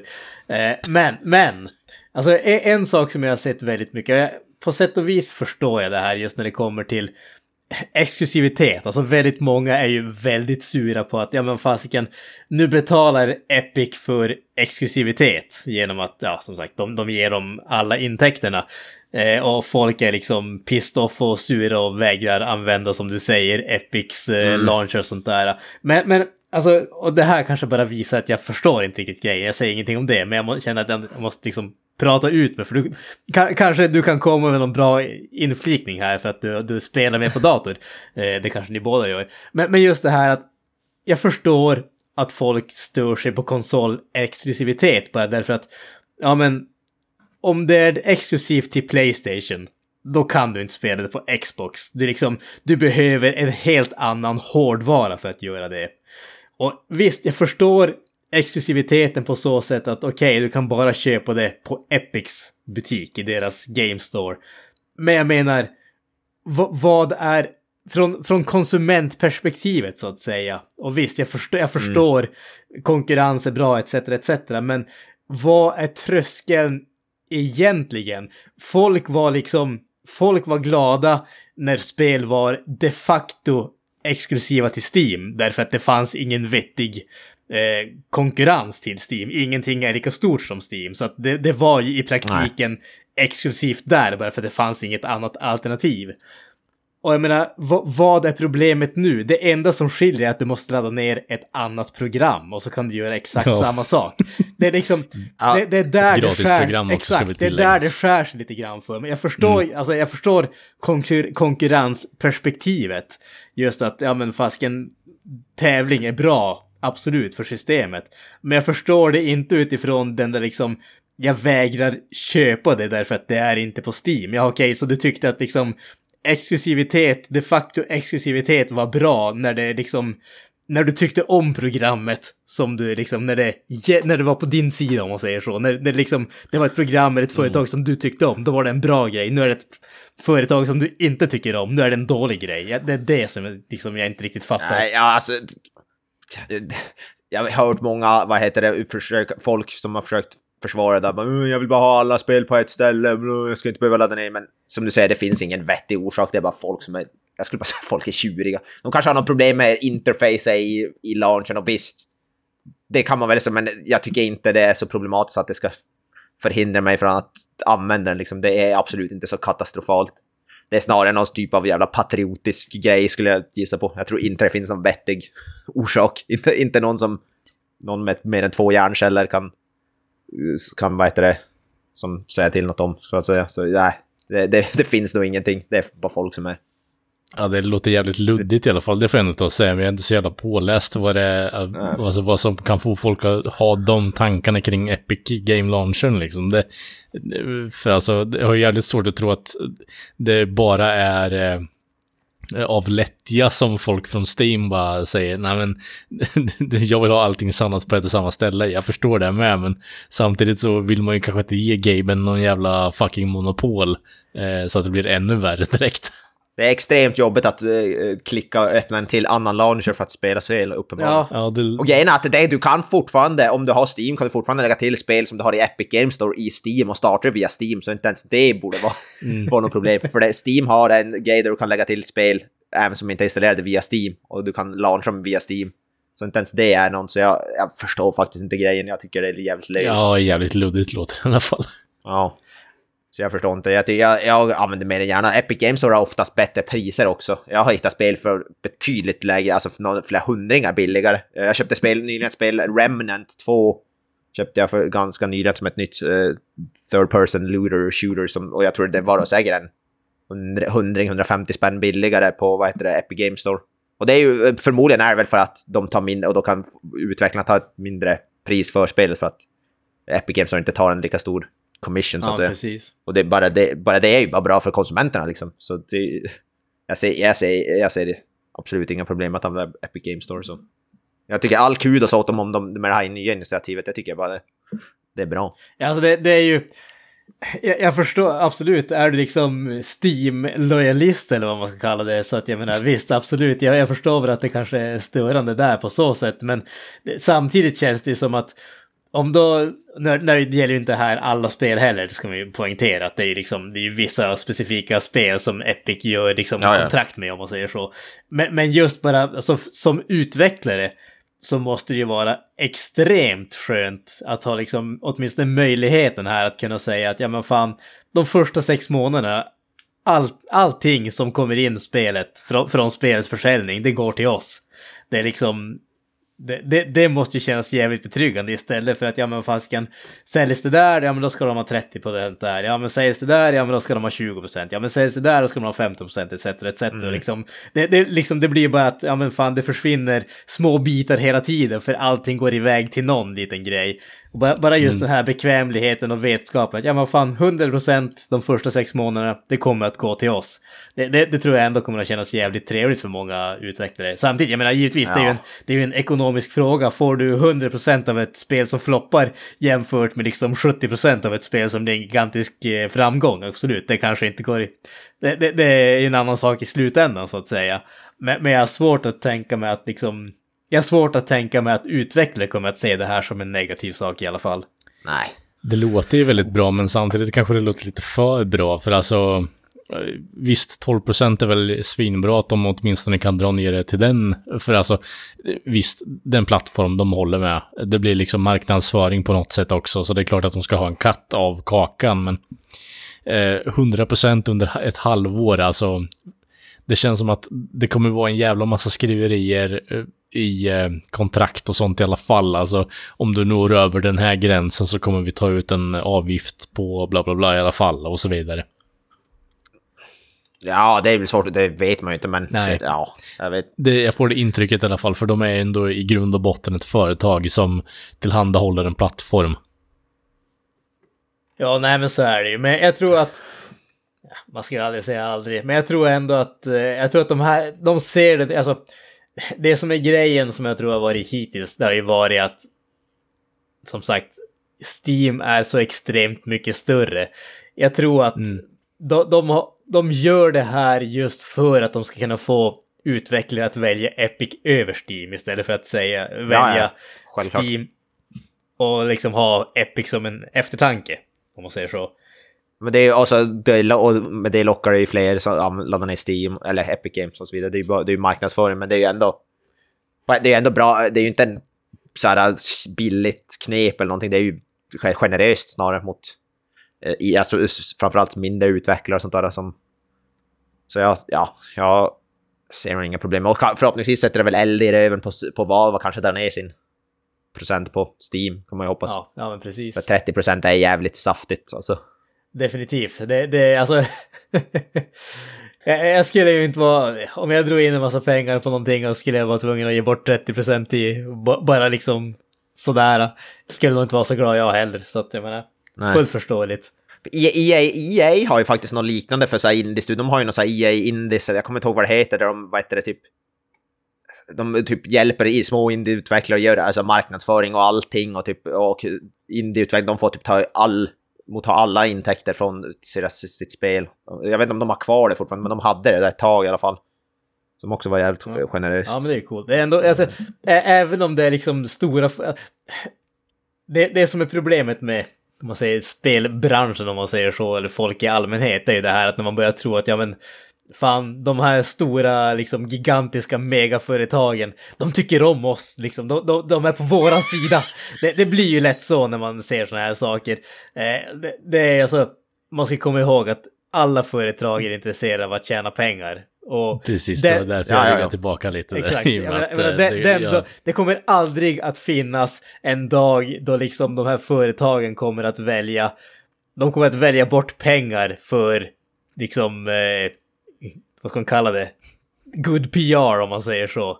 Men om de har en möjlighet att få good PR och tjäna lite mer pengar, ja men då gör de nog det jävligt Men det är ju det, det, är det grejen att då, det, då väljer man ju hellre att de faktiskt gör grejer som är bra och sen om de kan tjäna pengar på det också, det är väl en bonus. Men, Exakt. liksom, då, då, liksom, jag förstår ju att de måste tjäna pengar det. Men ofta så är det ju så här, bra grejer brukar oftast leda till, alltså om man gör bra grejer så brukar det oftast leda till rätt bra inkomst för företaget. Liksom. Då, good PR är väl är ju ändå good PR så att säga. Så, Precis, precis. liksom, äh, Men, all reklam är bra reklam eller på den. McDonalds ser ute efter mitt bästa. exakt, exakt. Ja, ja, ja. Mickey D's är the shit alltså.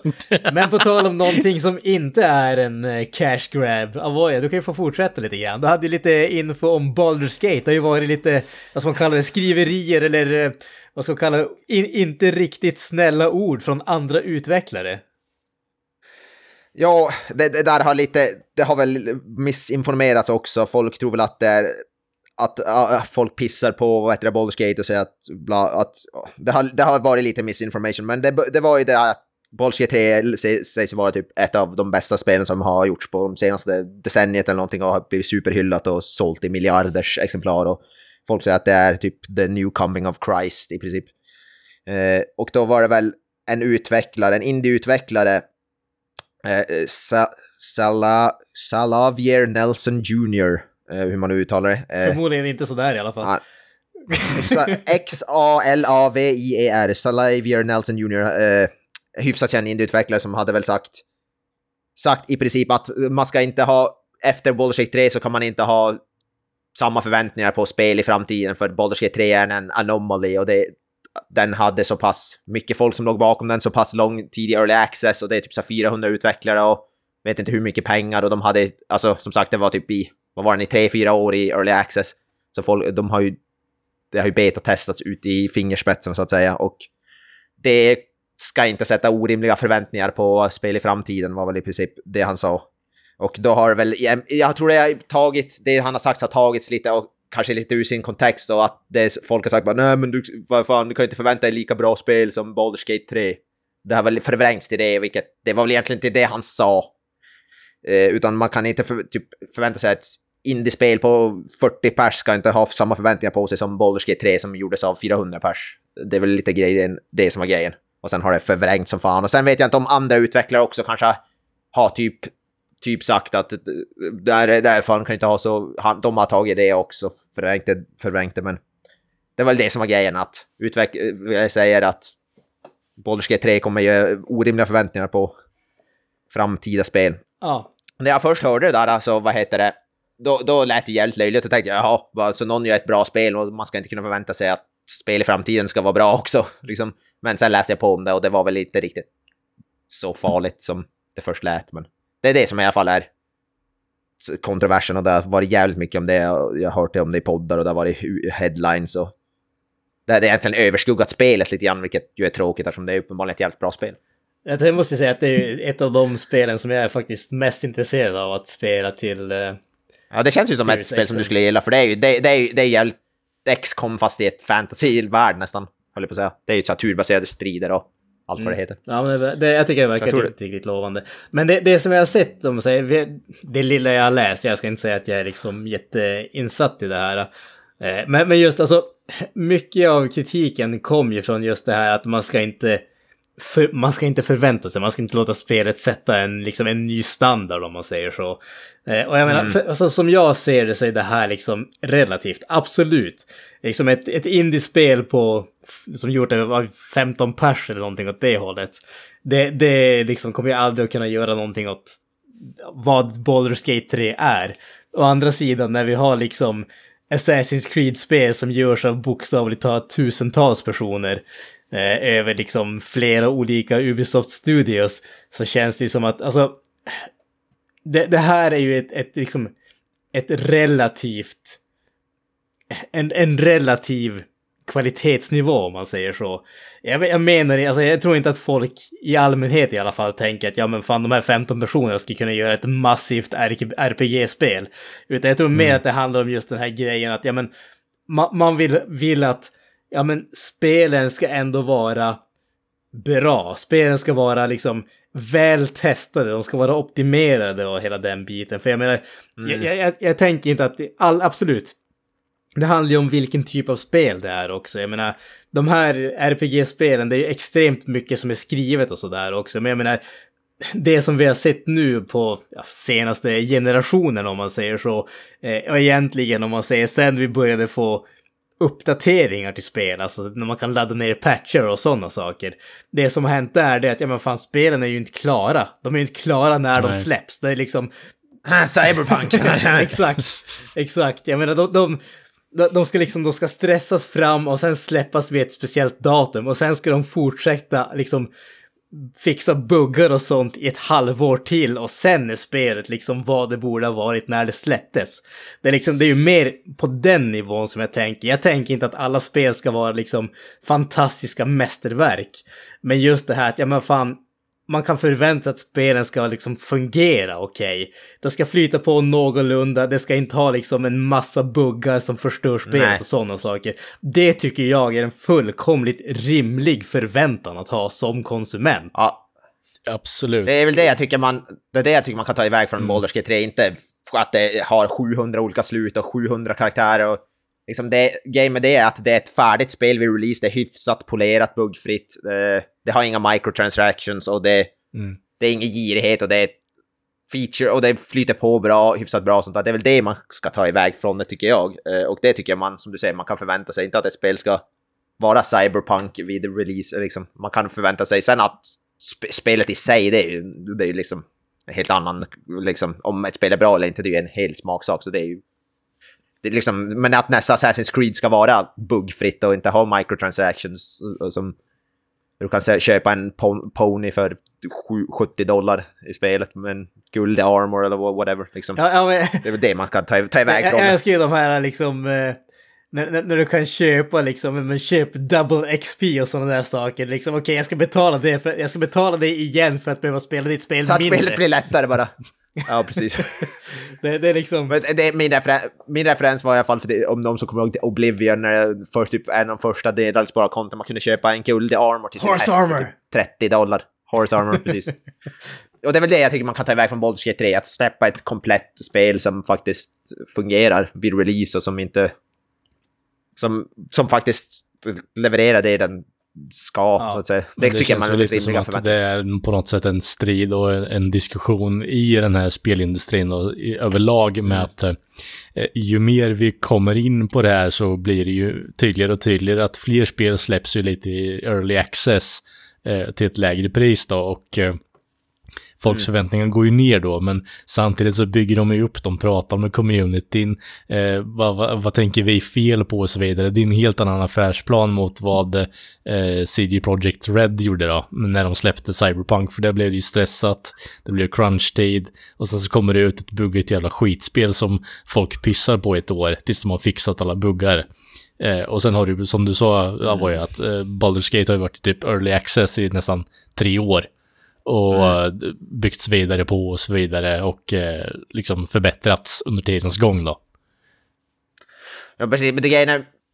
Det är det som är... Jag har inget problem med early access. Det är ett skitbra businessmål, för de säljer som du säger till ofta lägre pris och man får vara med liksom. Då vet man vad man köper. Det har jag inga problem med alls. Eh, jag hade haft kanske problem om man sålde early access till 70 dollar fullpris. Då kanske Ja, jag hade, men nu säljer jag oftast det till lägre pris. Och det är, jag har köpt flera spel i early access så jag tycker det Men när man säljer ett fullprisspel till 70 dollar och det är bugget som Cyberpunk är, då är det ju... Det är ju för Ja. Ja, grejen där är ju att det, det, jag tror till och med CD Projekt Red, de visste nog mycket väl hur trasigt spelet var, men de hade så här investors och sånt där som de var tvungna att släppa spelet för annars kanske de drar sig ut och de förlorar pengar och såna grejer. Och det är det som är... Det är oftast inte utvecklarna, för utvecklarna vill ju, hade ju gärna skjutit på sina spel som är perfekta, men det är ju publishers och investors och Mm. aktieägare och fan hans moster. Det är de som sätter käppar i hjulet och det är de som förstör spelbranschen, Där, tyvärr. där kan man ju säga också, nu kommer vi in på en lite annan grej, men alltså på så sätt kan jag ju tycka att CD Projekt Red, de fuckar ju sig själv genom att släppa det till eh, Last Gen. eh, Om man säger så. Därför att det var alltså, jag, jag spelade på min Xbox One X, som sagt, eh, som jag har. Och jag fullbokade spelet. Det var senaste spelet jag fullbokade, jag kommer inte ihåg se- vad jag senaste gången jag fullbokade ett spel innan det, men jag var riktigt taggad på det. Jag trodde att det skulle vara någonting som var riktigt bra. Och det var liksom, det var ospelbart när det släpptes. Det, det, det tog ett år ungefär. Alltså när, när de släppte, jag tror att det var patch 1.3 eller vad fasiken det var, då var det liksom, ja men då var det okej. Det var fortfarande lite småbuggar och sånt där, men det var liksom, det var spelbart. Och jag tycker alltså, spelet var fantastiskt. Alltså det, det är liksom ett av de bästa spelen jag någonsin har spelat när det väl fungerade. Men just bara det där att, ja men, fan, de skulle ha skippat Last Gen. De skulle ha skitit i det och skulle de ha gjort liksom PS5, Xbox Series och så PC. Och skippa de där Last Gen-versionerna. För vad, vad jag läst och sett och hört i alla fall så verkar det som att de versionerna var ändå helt okej. De var inte perfekta. Ja, men- jag, körde P- jag körde PC-versionen och den var ju, även om den var buggig så var den ju definitivt Ja, spelbar. ja men precis. Och det är det som är, alltså det, allting som folk skällde på i det där långa jävla året, det var ju liksom last gen-varianten. Alltså det var ju det, allt, allt skit de fick var ju på grund av de versionerna. Men jag menar, alltså det var ju liksom företaget i sig tappade ju massvis med värde. Deras aktie gick ner i värde och sånt där. Så att det, det fick ju så extrema konsekvenser för dem. Om man tänker att ja, men det hade ju varit så jäkla enkelt att låta bli också. Men det var säkert också inte, det var säkert också typ så publisher och investerare och skit att de hade lovat att leverera versioner till de där och då måste de hålla det. De hade säkert velat skippa det själv. Eller så var det att de, det utannonserades så länge tidigt. Ja, fan Alltså, var det typ för- för 2013 när, det- när, det, eller när, någonting åt det hållet tror jag. ja, när spelet, det, när det utannonserades så var det ju Playstation 4 och Xbox One liksom. Och de kanske inte hade räknat ut hur jävla att liksom nya generationer hade påbörjat. Så det var väl också det. Bara, nu har vi lovat det så nu måste vi. Ja, precis. Ja, fan. Det är därför de- också att, det ut- att man ska ut, utannonsera spel så tidigt i förväg. Det är det som också kan leda till Ja, problem. precis. De, de släppte ju till och med en eh, Xbox eh, One X med så här eh, cyberpunk-tema så att säga. Kommer jag ihåg. Ja. Så att eh, de, de kanske jumped the gun lite grann där. Ja, jag tror, jag tror det. Åtminstone när man utannonserar, kanske inte säga bekräfta konsoler och sånt där, där grejer, utan det kanske man ska hålla på och säga att typ ja, slä, gonna release to current generation console, det är bara något vagt. Jag tycker man inte ska vara så specifik. För om man sen märker Exklusivt att, på Nintendo Sony-konsolen. Exakt. Ja, precis. Ja, Cyberpunk kommer till Switch, det hade jag velat. Precis. Den Eh, Jag tänkte vi kan avsluta lite grann till, eh, vi ska avsluta Baldur's Gate 3 med bara en liten så här eh, intressant notis kan jag säga. Eh, Och det var ju just det att den ska, de har ju sagt att nu kommer den att släppas till eh, Xbox innan årets slut. Eh, Den har ju redan släppt eller är på väg att släppas till, eh, den släpps till PC och är på väg att släppas till eh, eh, PS5. Mm, i dagarna. Exakt. Precis. Eh, Och orsaken till att de inte har släppt den till Xbox, det var ju mycket spekulationer om att jag fasiken har Sony någon sån här exklusivitetskontrakt eller någonting sånt. Eh, Men det hade de ju inte, det har ju Larian, eh, Larian Studios själv sagt, utan det som var grejen var att de ville ha split, screen, split screen co-op.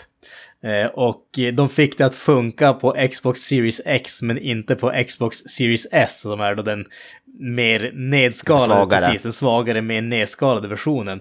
Och Microsoft, i och med att de har sagt att ja, men, det ska vara liksom, du kan spela alla spel som du kan spela på Series X kan du spela på Series S. Det enda som ska skilja är liksom grafiken, men du har ju feature parity så att säga. Vilket då gjorde att de kunde inte släppa den till Xbox överhuvudtaget när de inte kunde få split screen co-op att funka på Series X, eller Series S. Mwah, mwah. Men nu har de ju alltså pratat med eh, Phil, Phil Spencer som är eh, CEO för Microsoft Games eh, och kommit till den här lösningen att de kommer att få mer eller mindre dispens helt enkelt. Så de kommer att få släppa den utan split screen co-op på Series S. Eh, och vilket då gör att då kommer de att släppa, kunna släppa spelet innan året är över. Men det här blir ju lite... Dels har det varit mycket snack tidigare just om att Series S håller tillbaka eh, Series, Ja. eh, Series X och Ja. vad de kan göra på Xbox-konsolerna. Sony var väl kanske smarta där, att de gjorde två stycken som har samma prestanda, en som har disk drive och en som har inte det. Men som sagt, Microsoft så gjorde en bättre konsol med Sköt sig lite själv i foten. Precis, de gjorde ju en Lite, konsol med bättre specs och en med mindre bra specs om man säger så. Men samtidigt så, precis som du säger, de sköt, sköt sig själv i foten lite grann därför att åtminstone från vad jag har läst så är det ju faktiskt Series S som har varit lättare att få tag på och har sålt mest. Eh, vilket gör att det kan ju bli ett jävligt känsligt läge för dem om de då börjar ge liksom utvecklare dispens och säga att ja men okej, ni, ni behöver egentligen inte göra feature parity. Nu givetvis, nu, det här kom ju oväntat för dem därför att det här spelet vart ju en eh, oväntad framgång. Eh, så att de hade väl inte räknat med det lite grann. Men samtidigt så kan det ju, det blir intressant att se vad som sägs framöver liksom när det kommer. För jag menar, jag tvivlar inte på att det är andra som gör stora extremt liksom tungdrivna spel som kommer att säga att ja men fasken vi kan göra exakt det vi vill på Series X men vi kan inte göra det på Series S. Jag menar okej, ska vi liksom behöva ägna en jäkla massa resources åt att göra en sämre version av ett spel som egentligen skulle kunna vara mycket bättre? Är det det som ni säger? Varför fick de liksom dispens när inte vi får det? Så att eh, jag tror att de har, de har satt sig lite grann på pottan här, Microsoft alltså. Ja, jag, alltså... Jag förstår inte riktigt, eller jag förstår varför man släppte Series S, men samtidigt tog, jag tog, vet fan om det var en så, Det är bra för dem som har, alltså den kostar väl någon tusenlapp mindre, så på så sätt, men samtidigt så måste man någonstans köpa att den är svag och man, där kanske man inte kunna spela allting, det är väl det. Eh, så jag, jag vet inte riktigt vad lösningen där är, att man inte skulle släppa den överhuvudtaget. Kanske hade varit bara den bästa lösningen. Gör Egentligen. konsolen en tusenlapp billigare i alla fall. Alltså, jag, jag, jag tror problemet som Ja. Microsoft gjorde som sagt, alltså det, det var just det här att de har ju garanterat feature parity alltså. Det, det som de skulle Ja. ha sagt där är att liksom alla spel kommer att släppas men vissa funktioner kanske eventuellt är liksom låsta till Series X. Om man säger så. Ja, ja, det är väl det som förmodligen... ja, precis. precis. Alla spel måste fungera. Ja, å andra sidan, gör man så så kanske man löper risken på att då görs alla spel till Series X och sen får du någon liksom skitversion till Series S som bara är liksom, den är bara gjord för att den ska knappt fungera ungefär. Eh, så att jag, jag, alltså, Mm. det, det finns ju inget liksom, det finns ju ingen lätt lösning till problemet, men samtidigt så är det ett problem som de har skapat åt sig själva. Jag tror nog nästan man bara, bara hade skit i den svagare konsolen, vad fan. Sen släpp bara en och sen om folk är, vill köpa, så gör de det sen. Eller så köper de inte, jag vet inte. Jag, jag, jag skulle aldrig kunna tänka mig att köpa en så pass svag konsol. får jag säga flashback till den här jävla Blizzard-presentation bara What you, got, you guys don't have phones? just det, fan var det Diablo? Ja, just det, ja, just det. Diablo. ja, Diablo 3 Immortal. Diablo, där, det, det var väl det här äh, mobilexklusiva Ja, Diablo-spelet, Diablo Jag, Immortal. jag, jag kommer ihåg det, det var väl en snubbe i typ röd t-shirt som var frågade is this a joke? ja, precis. Ja, just det. Och folk var ju skittaggade. Stod bara, ah, det är Diablo 4 som kommer visa. Jag bara, nej, nej, Diablo Immortal. Alltså, alltså det, det sjukaste med det där, det var ju att de trodde att någon skulle liksom bli glad av att de skulle få ett spel till mobil.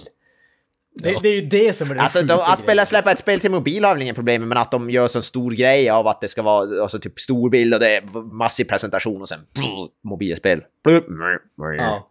Liksom antiklimax så in i helvete. Ja, och körsbäret på toppen bara You guys don't have phones? Are you poor you fuckers? Oh. Ja, det var inte jätte... Wild shit alltså. Ja, alltså fy fasiken. det- Ja, för fan, sådana där presentationer, så e, det finns ju väldigt många oroliga E3-presentationer genom tiderna. Ridge Racer och... typ Ridge Racer! Och sen säger det en gång till, Ridge! You, don't- you guys don't remember Ridge Racer? No. No. Och när, de, när det var något jävla spel, något sam- samurajaktigt spel som sa åh det här är Det, väldigt det är väldigt eh, verklighetstrogen. Och så är det på vet bilden, Giant Enemy Crabs. ja, precis. Och sen Giant Enemy Crabs i nästa bild ut och bara oops. Ja, Ja, det- fan vad cringe det finns i den Presentation cringe alltså. Det Rest in peace. U- Ubisoft hade Mr. väl det där Coffin Man ett år också. Ja, Mr. Caffeine och fy fan vilken cringe man alltså. Oj, oj, jag, alltså man ser på han som vi, alltså man skäms när man sitter och kollar på det. Jag, man kan inte kolla för det är så här, man får så här, vad kallar det, second hand embarrassment. Ja, man precis. det. Och fy fan, vad hemskt. Nåväl, nåväl. Yes. Hade vi någon mer nyhet? Alltså vi hade väl inte så mycket mer nyheter, men vi tänkte att vi kan väl bara som en liten avslutning, vi pratade just om det här med alltså kändisar i tv-spel, det är ju ingenting som eh, är på något som helst sätt nytt. Alltså dels röstskådisar tillhör ju det vanliga, men sen på senare år så har det ju varit eh, även folk som har... Hollywoodskådisar. Precis, Hollywoodskådisar som eh, både gör röster och eh, om man säger deras, lånar ut deras likhet så att säga. Eh, så att alltså, vi hade ju Kit Harington som var med i Call of Duty Infinite Warfare. Eh, Kevin Spacey var ju Kevin med i ja. Advanced Warfare. Keanu Reeves givetvis i Cyberpunk. Cyberpunk. Eh, Norman, Och i Mortal Kombat har det ju varit skitmånga som har både lånat ut sin likhet och exakt, Norman Reedus i Death Stranding och sånt där. Eh, så ba- bara som en sån här grej, alltså vem är någon sån här kändis som ni skulle vilja se i ett spel? Och vilket spel, eller vilken typ av spel skulle ni vilja se dem i? Jag hade ju velat se ett uh, Nightmare on Elm Street-spel med Robert Englund som Freddy Krueger. Det, det hade varit en dröm. Han gör rösten till eh, Freddy Krueger, sen något typ av survival horror-spel. Antingen att man får spela som Freddy Krueger och bara döda dumma tonåringar, eller att man spelar som och så ska man överleva. Det hade väl varit kanske min dröm. det är ett drömspel för mig. Det, det låter guld alltså. Alltså det, det som jag tänker, vad heter det, rent spontant. Eh, jag vet inte varför jag tänker det här egentligen. Det kanske är bara för att jag blivit så jävla såld. Men det är ju alltså Kiss. Alltså jag, jag tänker mig Kiss som typ slutbossar i något sånt här typ eh, slasher, hack and slash spel alltså. Uh, som slåss mot Gene Simmons. Ja, men alltså, jag tänker någonting åt det hållet. Eller alternativt så tänker jag att fan, Gene Simmons omaskerad, osminkad slåss mot, eh, vad heter det, The Demon. The Demon! Ja. Ja men typ, ha, vad heter det, Gene Simmons säger ett Mortal Kombat-spel, får se han slita skallen av folk, det hade varit underhållande. det låter ju guld. Alla verkar ju passa, alla verkar ju passa in i det jävla Mortal Kombat-universumet, så det fan, man kan ju slänga in vad fan som helst. Så Kiss känns väl inte så jävla lo- långsökt att slänga in i nästa Mortal Kombat. Vad säger du, Kalle? Men alltså anledningen till att vi tar upp det här kan vi säga att jag la upp som förslag till nyhet att eh, John Cena kommer vara med i nästa Mortal Kombat som Peacemaker. Lånar ut sin likhet och röst då, antar jag. Både och till Mortal Kombat 1 som det heter. Vilket är jävligt förvirrande eftersom det inte är, uppenbarligen inte är första Ja, men Mortal det, att Kombat. det, är en Mortal remake någon- av det första Mortal Ja, Kombat, fattar du precis. inte va? Ja. ja, det är väl någon slags, men det är fortfarande en, mer än en remake som det har karaktärer som inte fanns med i första spelet. Och Mortal Kombat känns Det- som att det har blivit någon jävla typ gumbo-pott på senare år. Eh, Ja, ja, ja. Det, har ju det. det är det som är grejen. Men det är det som är lite kul också. Mm. De, in, de tog in Robocop i ett spel med, med Peter Weller gjorde ju rösten till Dead exempel. alive, you're coming with me. Ja, jävligt badass. De har haft Predator, har haft med Jason Voorhees, Freddy Krueger har varit med. Eh, så det är ju jävligt, jävligt, jävligt badass. Jag hade velat se säga. Robocop interagera med eh, Ter- Terminator bara Madam, you've been, you've been put into a shock. Let me, now, let me contact a rape center. Ja, det går, du kan ju, för Terminator tror jag också finns med i ett Mortal Kombat. Det, det, den matchupen går ju att göra. Och då, det roliga är att de som, i alla fall i de senare, så de reagerar ju realistiskt på vad det som sägs. Så om Robocop kommer och säger, säger någonting så ska den som möter svara typ på något li, re- realistiskt sätt. Jag har sett så videor på det. Det är ganska coolt faktiskt. Ah, Okej, Det är inte bara att de säger random phrases, utan de faktiskt besvarar det som motståndaren säger. fett. Det är lite småcoolt faktiskt. Jag ser här, jag kollar bara på Ja. eh, Wikipedia på karaktärerna där. Vi kommer även att få Homelander från eh, The Boys och eh, Omni-Man Oh, från Invincible. Eh, och sen finns det även en sån här, det ska tydligen komma någon eh, Combat Pack med sån här downloadable content. Vilket också kommer att, eh, vilket kommer att innehålla Johnny Cage med the likeness of Jean-Claude Van Damme. Det låter ju guld. Kents våta dröm. Alltså, expansion pack blir eh, Street Fighter the Movie the Game liksom. Det, det blir Mortal Kombat vs Street Fighter The Movie The Game. med med eh, Jean-Claude Van Damme som både Johnny Cage och Kyle. Mm. Det hade varit Men måste jag säga, Ho- Homelander och Peacemaker känns väl som rätt perfekta, vad heter det?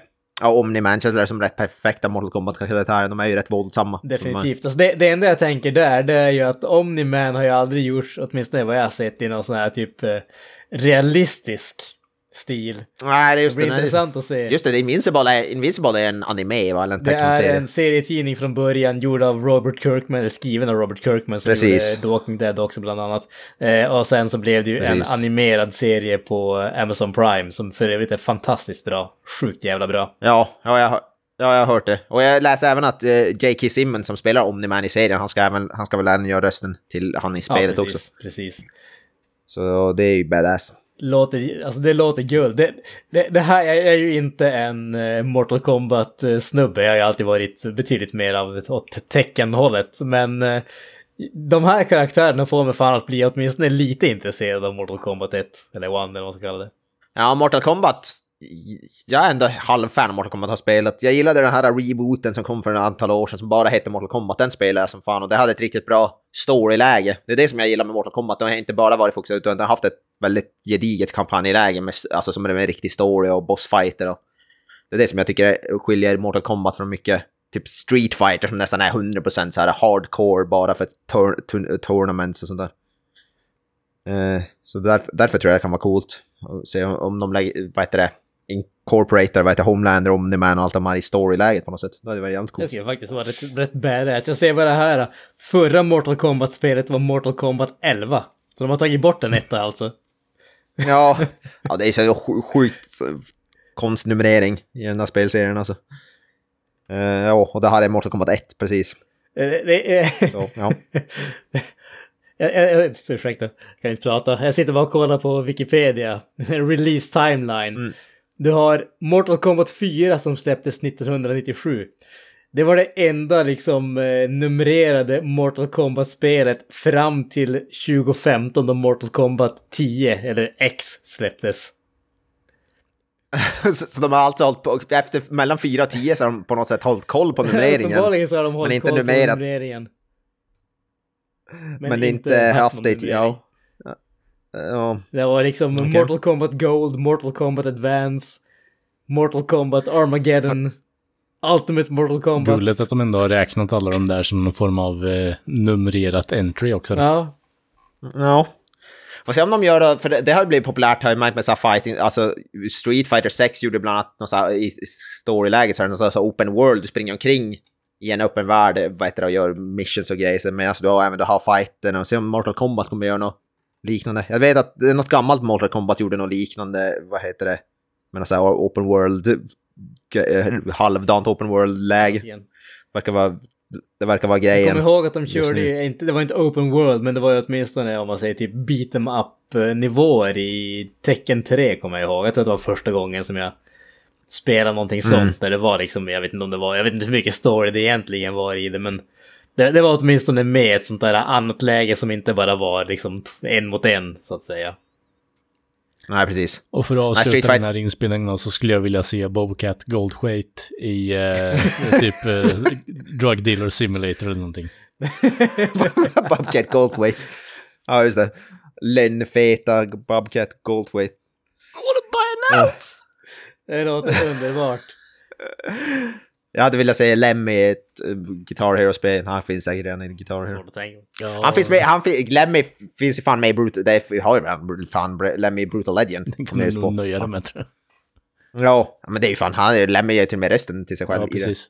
Synd bara att det inte Ja, var det fan. spel. Det, det, det är ett, undersk det är ett underskattat spel, Brutal det, Legend. alltså. Fan vad kul. Det, det, den bästa det delen av det spelet det var att då köra runt i bilen och lyssna på musik alltså. Ja, jo. Det Ja, men det var, det var ju 10 av 10 så det räcker ju. Tack för att ni har lyssnat på detta avsnitt, detta första avsnitt av Spelsmakarna. Vill ni ha mer av det här så får ni se till att eh, hålla Kent eh, uh, vid, ni får skicka liksom fan, han behöver sätta nya rekord i Excitebike och sådär. Vill ni höra mindre av oss snacka tv-spel då får ni skicka pengar så att eh, vi liksom, vi, vi står inte över mutor. Jävla, jävla grifter liksom. Vad? Skicka kan, pengar så vi kan- så kan jag också göra det. De skickar pengar så att vi har råd att köpa mer tv-spel så att vi håller oss, vad heter det? Så att vi har annat att håller göra oss- istället för att spela in poddar. Ja, så att vi kan sitta och spela. ja, precis. Så vi har inte tid att spela in. Värsta griften jag Alltså- någonsin hört. Ja, jag tycker jag, jag tycker jag har jävligt bra business. Vill det. ni inte jag, höra jag, oss prata, be- betala våra tv-spel, tack. Exakt. Ja, exakt. precis. Då har vi inte Det tid att prata tänka om efter före. det. Ja. Fan smart. Jävla Art of Wars-tänk här. Ja. Vad jävligt smart tycker jag. Yes. I vanlig ordning, ni hittar oss på Facebook, Instagram etc. Ni får gärna kommentera vad ni tyckte om det här avsnittet. Som sagt, mer eller mindre tv-spel. Vi tycker om att spela, vi tycker om att snacka om det. Eh, har ni några avslutande ord grabbar? Peace out! Let's go! Hail Satan! That's it, man. Game over, man.